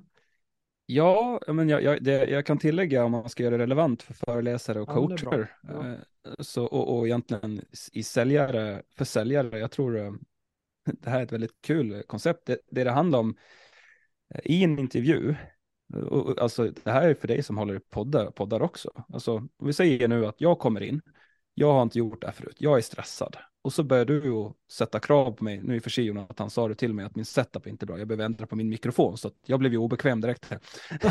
men nej, jag blev inte obekväm. Jag tyckte bara det var kul. Eh, men hela poängen är just att hur, hur du går in.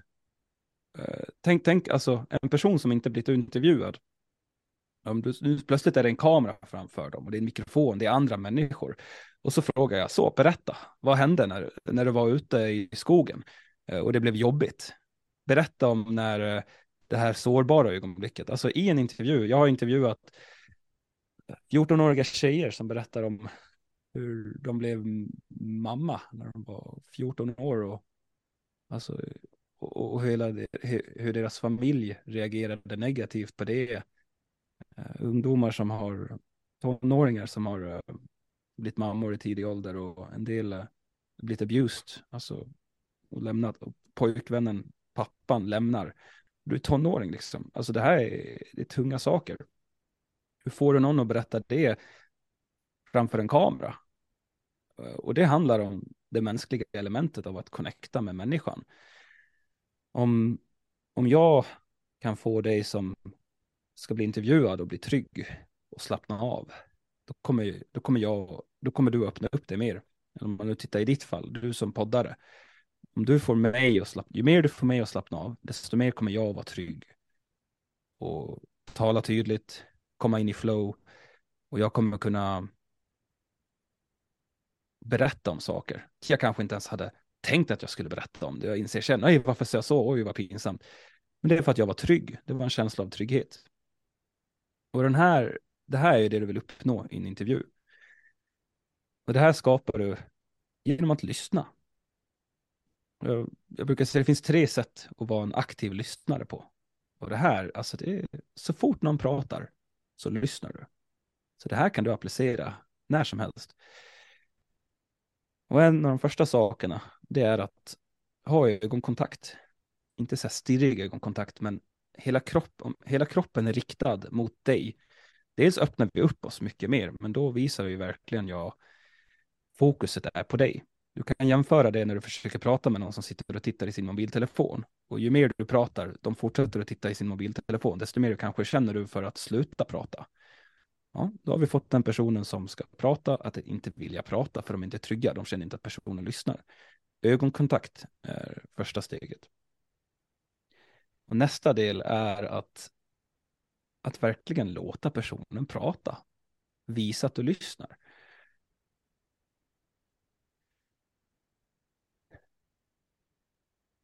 Verkligen var där, var där i dina tankar. Sitt inte och tänk på vad du ska säga härnäst. Utan sitt där och lyssna. Och var med. Låt dig själv vara med. För det som kommer hända då är att då kommer du börja nicka. Du kommer känna, känna det som personen känner. Du kommer kanske börja reagera. Alla de här signalerna, det säger till personen som berättar. Oj, du lyssnar verkligen. Och det gör att vi blir ännu tryggare. Här blir den här dubbeleffekten. Det är ännu tryggare. En relation byggs av det här. Det tredje steget är att du kan ställa följdfrågor. Ställ frågor, led vidare.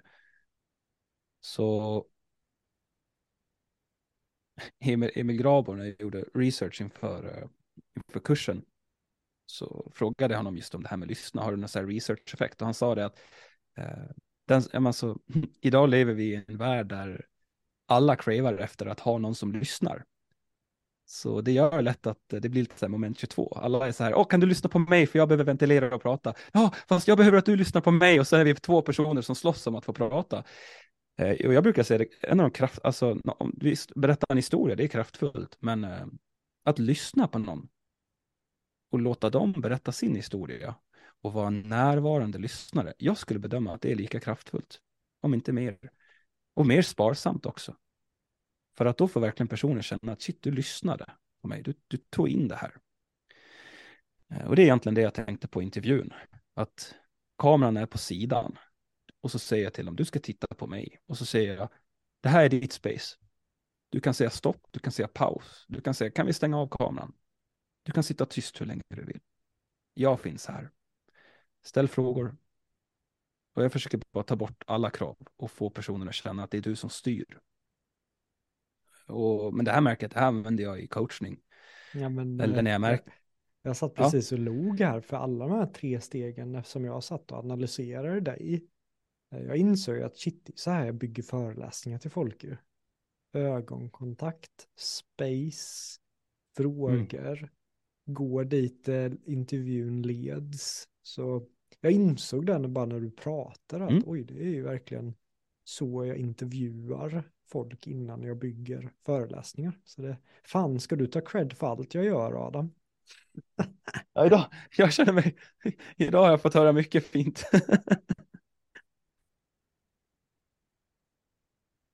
Sen hade vi också Adam en sak som vi jobbade väldigt hårt på som kom med med grund och det var ju ord och konsten av att förklara svåra ord, vilket också jag mm. tänker blir väldigt relevant för föreläsare och coacher som slänger sig med ord som, ja men eftersom att man själv har levt med de orden och tycker de är enkla så tänker man att ja, men det här borde ju alla fatta. Men när vi mm. skickade runt avsnitten med ord som um, ehm, AK5 med ord som befäl och så fick vi feedback att vad är ett befäl? Och vi bara, mm. vadå? Vet du inte vad ett befäl är? Vad är en grad? Vad är det här? Och när vi fick sån feedback så, så bidrog ju det också till en väldigt eh, mycket, tydlig, mycket mer tydlighet i serien, just hur vi förtydligade ord hela tiden så folk skulle fatta. För att om folk inte fattar så blir de förvirrade och då stänger de ner. Kommer du ihåg det, Adam? Ja, ja, ja, eh, definitivt. Den, den var du jätteduktig, den var du grym på. Det är nästan så att jag jag vill säga att jag, jag har lärt mig den av dig. På, på tal om allt vi lär oss. För du, det är lätt att sitta där. Det är väldigt lätt att sitta och tänka. Men jag säger så här och så säger jag så här. Så bara, men, och så kommer någon, det här förstår jag inte. Så blir man nästan lite irriterad på att en person inte förstår. Eh, att, men varför förstår du inte det här för? Och det kan bli kännas lite onödigt. Men eh, du satt ju där och verkligen bara, men Adam, det här är ingen som vet vad det är. Hur, hur, hur, det här, det är ingen som, tänk på att eh, personerna som går in i den här utbildningen, de har inte gjort en utbildning. Vi har gjort den här utbildningen. Vi jobbar för Försvarsmakten. Det är klart som fan vi har koll på. Det är klart vi har koll på flera av de här termerna och orden. Mm. Eh, så jag håller helt med om att det är en, det är en fälla att fastna i. Jag har ett... Uh, mm. Förlåt, förlåt, kör på du. Jag trodde du pausade. Jag tog en paus för jag kände att jag, jag, kan berätta, jag kan berätta om hur vi mötte det. jag tänkte att jag kunde ta en paus också om du ville tillägga något. Um, ja, men det, just det här med ord för föreläsare, desto mer tekniska ämnen. Sibbe mm. Silvén pratar mycket om algoritmer och det här och det här. Och där har jag alltid fått gå in och så har jag tänkt på hur vi byggde jägarsoldat med att så fort det kommer ett ord som man ens misstänker mm. att vissa inte förstår, stanna kvar vid det ordet, förtydliga det ordet.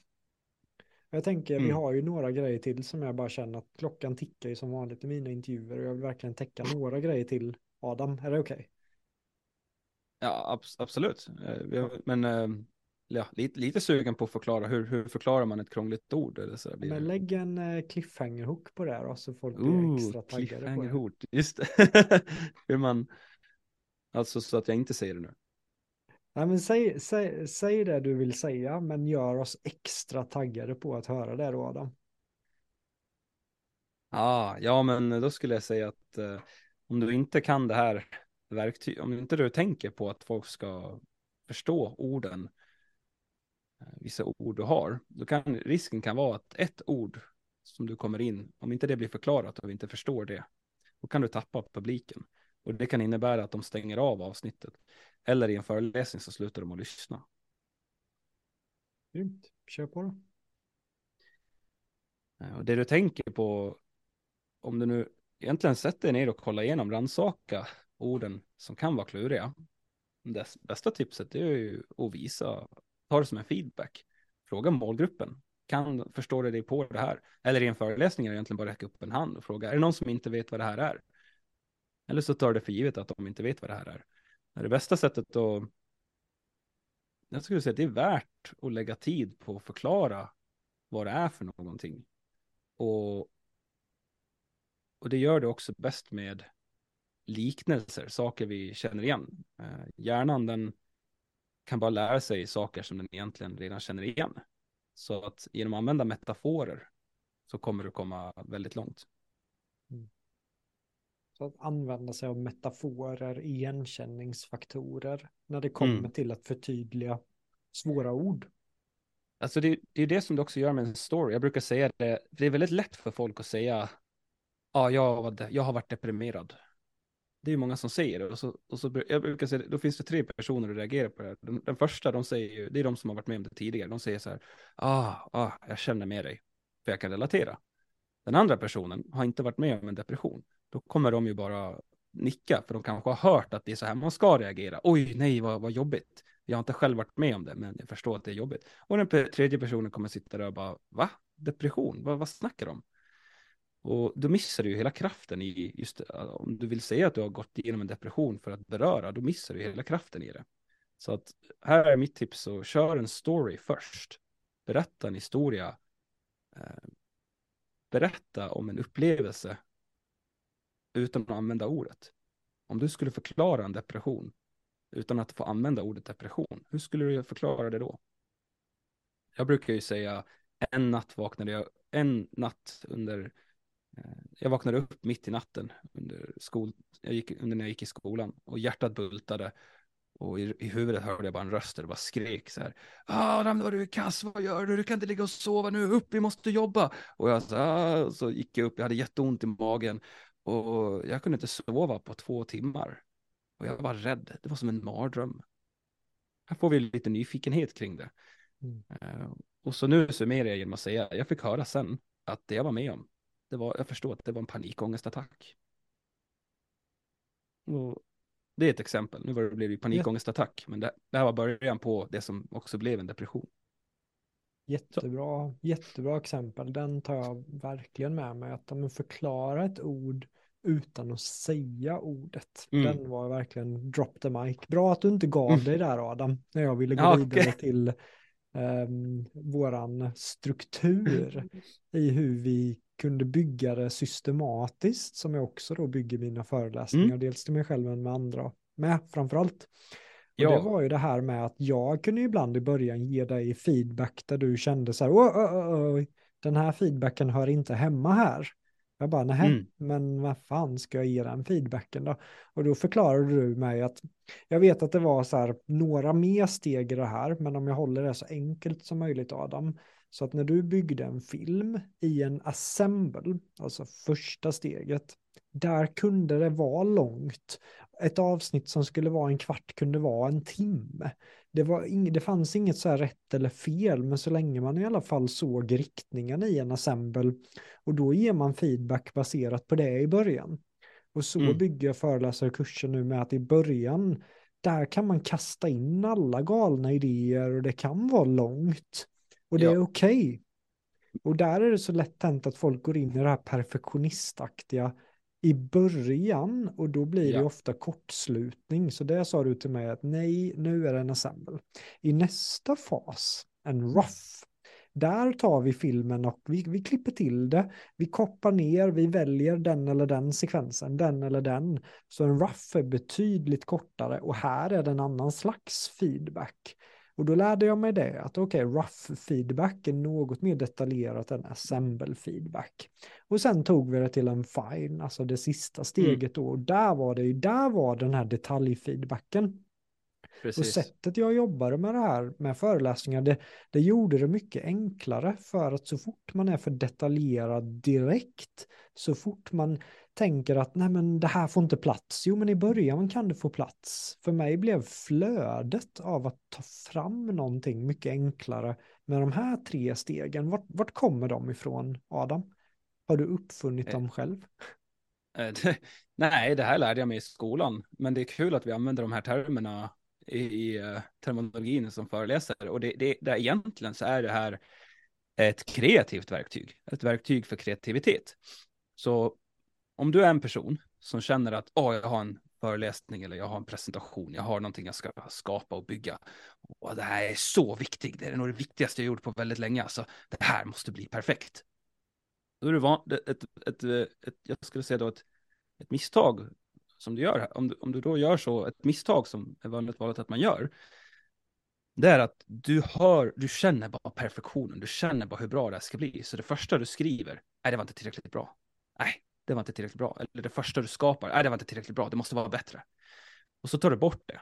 Och så sitter du där och har ett blankt papper. Och här kör du fast. Eh, och det här, det här ser jag ju hos en del klienter också när vi just coachar i storytelling, när vi bygger föreläsningar och olika presentationer, att eh, en del människor när vi då börjar och jag frågar, men berätta lite om historien. Hur, vad tänker du liksom? Har du någon historia kopplat till det här? Du, du, du, har gått in i väggen. Berätta en historia om det, för det blir mycket kraftfullare än att bara säga gå in i väggen. Och då säger ju kanske personen, då börjar de berätta en historia om det. Och sen efteråt kan det ju hända att de säger, ja fast det känns inget bra, så nej, alltså ska jag stå, nej. Och där skulle jag direkt, det är så jag snappar dem som jag kunde snappa dig i den här passen. Nej, ah, vad gör du? Vad gör du? Sluta! Nu nu är vi i den kreativa fasen, nu är vi i steg ett, assembly. Här skapar vi, här vill vi ha så mycket material som möjligt. För att om du, om du ska sitta och vara kritisk på det här sättet och bedöma, då kommer du att döda flera idéer. Tänk om det finns en idé som faktiskt var riktigt bra, men du vågade inte utforska den. Det är det som är lätt att det händer. Det här kommer ju egentligen då från film, att eh, om man tar jägarsoldat, hur, när jag var ute och filmade, vi kunde ha 10 till 20 timmar material. Det här, de här 10 till 20 timmarna ska bli 13 minuter film. Om jag hade suttit och letat efter de perfekta klippen och försökt klippa ett färdigt avsnitt direkt, det hade, jag hade bedömt att det hade tagit längre tid. Jag hade kraschat helt. Så det jag gör i en assembly, det är att jag kollar igenom allt material och så sliper, nu när man har, man kan väl säga någonstans att nu när du har alla idéerna, du har allt ditt material, då går du in och börjar strukturera det.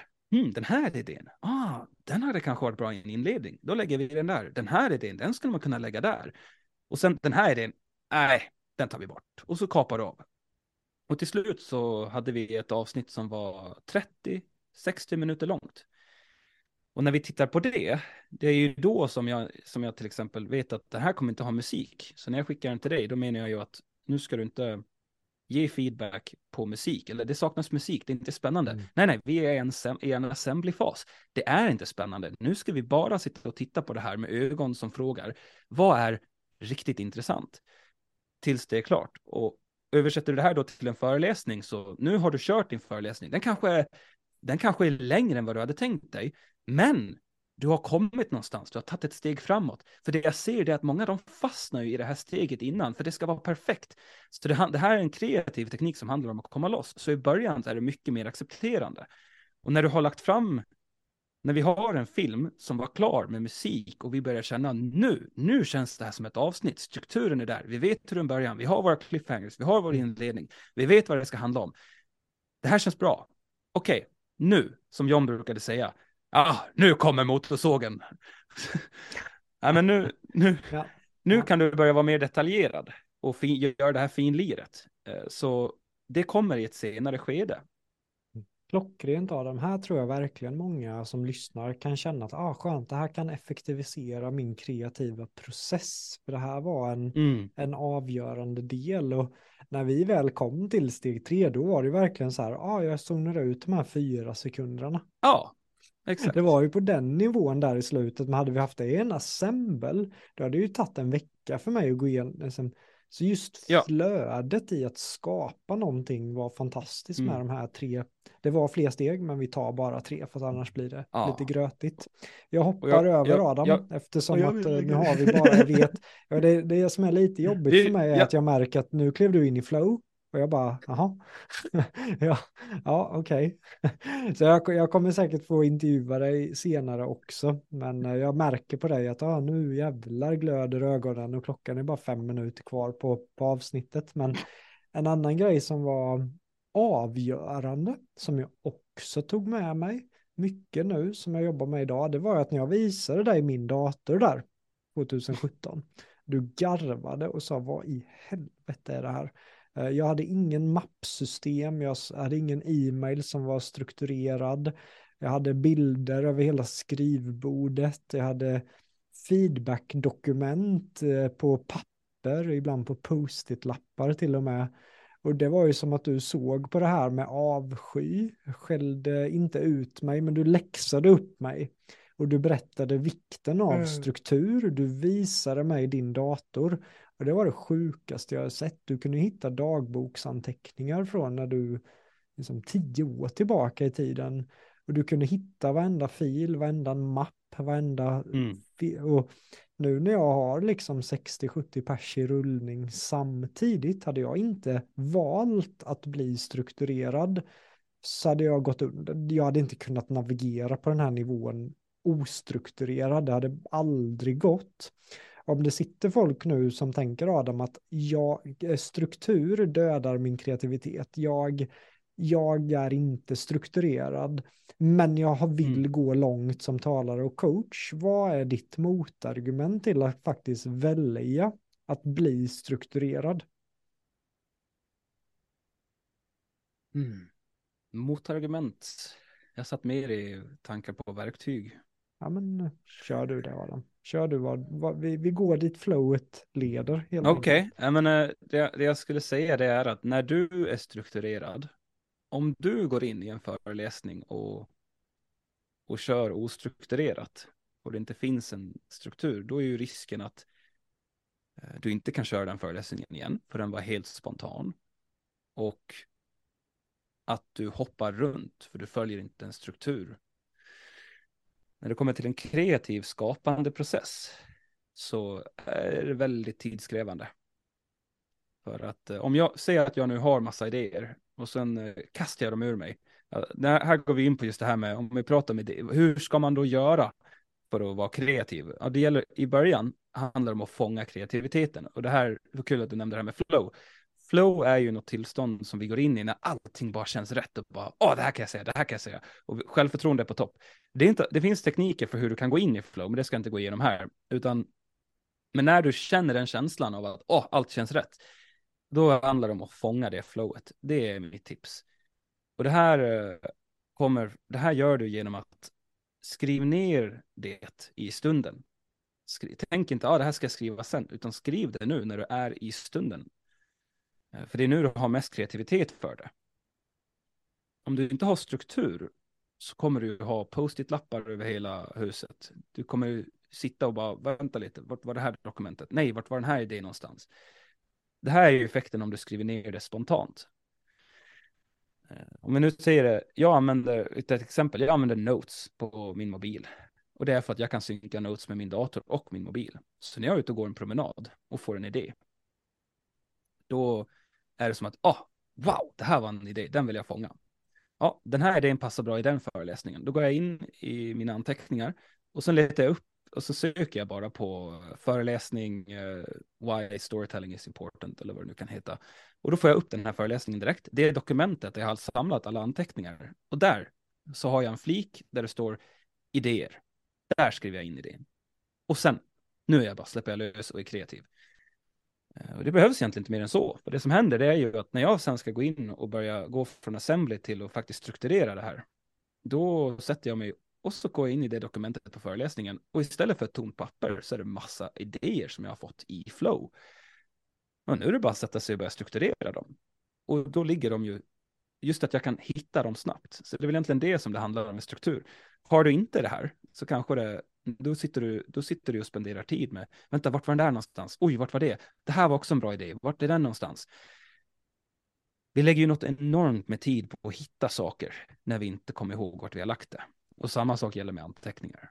Och det var ju det någonstans när jag såg eh, din dator, om jag tar det som exempel, att ah, här ligger ett dokument om en föreläsning, här har vi en film, och här har vi det. Uh, det hur, hur, hur ska du liksom hitta det? Så ja, det tar ju längre tid att förklara hur man strukturerar upp ett uh, mappsystem, men jag tycker det är jättekul att du tar upp den uh, saken, för det, det kommer ju från film. Har du med dig dina kurser Adam? Faktiskt. Jag har inte fått med den biten, men det är ju någonting jag, jag vill Det tycker jag du ska ha med Adam, för att ja. Jo, men jag inser, vi kan snacka en timme bara om det, just hur mappar du en e-mail? Hur mappar du upp en föreläsning? Hur, mm. Hur använder man Drive? Hur strukturerar man upp sina ekonomistruktur? är ju en sån otroligt viktig tårtbit tycker jag i att för att det ska kunna bli hållbart i längden. Mm. Och jag tyckte mm, jag att struktur med. var en bidragande orsak till att jägarsoldat blev så stor också. Att vi till slut blev mer strukturerade. Så vi lärde oss att hålla timelinesen. Vi, vi hade koll på grejerna. Så att eh, jag tycker att det var en viktig aspekt i det hela. Så om mm. jag bara kort, kort drar en wrap-up på, på det här avsnittet. att eh, Men om man har en dröm att göra någonting väldigt stort, försök hitta din partner, försök hitta en vän som är lika taggad som du är, för tillsammans är man så mycket starkare. Och för mig blev det en post på Facebook där jag skrev, jag söker en kameraman och här sitter vi idag Adam, eh, vi, vi sa ju det i samtalet igår, att jag kommer ihåg när vi träff, började träffas, vi ringde ju varandra varje dag och det var ju 2016 mm. eller 2017, jag kommer inte helt ihåg. 2017, 2017 var det. 2017. Men och så insåg jag igår bara, ja men det gör vi ju fortfarande. Ja. vi ringer ju fortfarande varandra flera gånger i veckan och snackar och har så kul med vårt ämne. Så att jag tycker att, eh, att hitta en radarpartner är en väldigt stor bonus om man har väldigt stora drömmar. Med mm. jägarsoldat mm. så var det ju verkligen vi jobbade systematiskt, vi jobbade som ett team, vi jobbade väldigt mycket med att lära känna vår målgrupp, vi jobbade väldigt mycket med just fokus, hur skapar man fokus i målgruppen att titta titta och titta avsnitt efter avsnitt efter avsnitt. Framförallt inledningen har vi snackat om, vi har snackat om avslutet, vi byggde in motargument, vi jobbade karaktärsdrivet, vi jobbade med storytelling framework för hela konceptet, vi jobbade med feedback, vi testade avsnitten. Och vi eh, släppte dem säsongsvis tack vare Aron Andersson. Och jag antar också att när vi släppte säsong ett och fick den responsen som vi fick, det var ju då Patrik och cheferna sa att Nej, men ni får göra det här lite längre.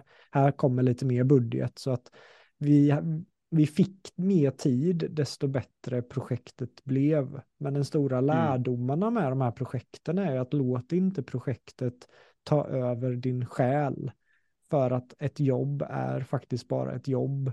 Det höll på att kosta dig din hälsa Adam. Det blev bra. Där behöver man ju ställa sig själv frågan, vad, vad värderar jag? Värderar jag min familj? Värderar jag liksom att ha ett liv eller värderar jag enbart mitt jobb? Där man kommer behöva ta val där kopplat till mm. hur hårt man kan pusha ett projekt. Men jag tycker att vi har blivit mycket bättre nu i efterhand på att prioritera vila, prioritera mm. återhämtning och vi pratar om det på ett helt, på ett helt annat sätt. Mm.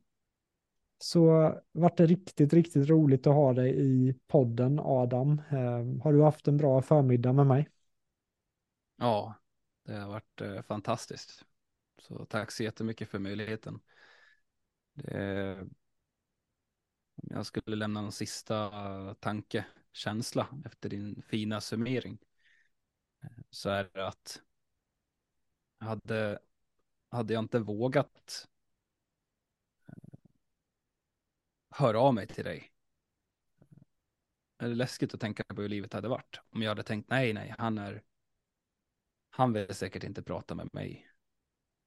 Eh, hade vi inte vågat tro på Jägarslott, alltså eh, när du har någonting som du vill göra så är det så viktigt egentligen att bara börja.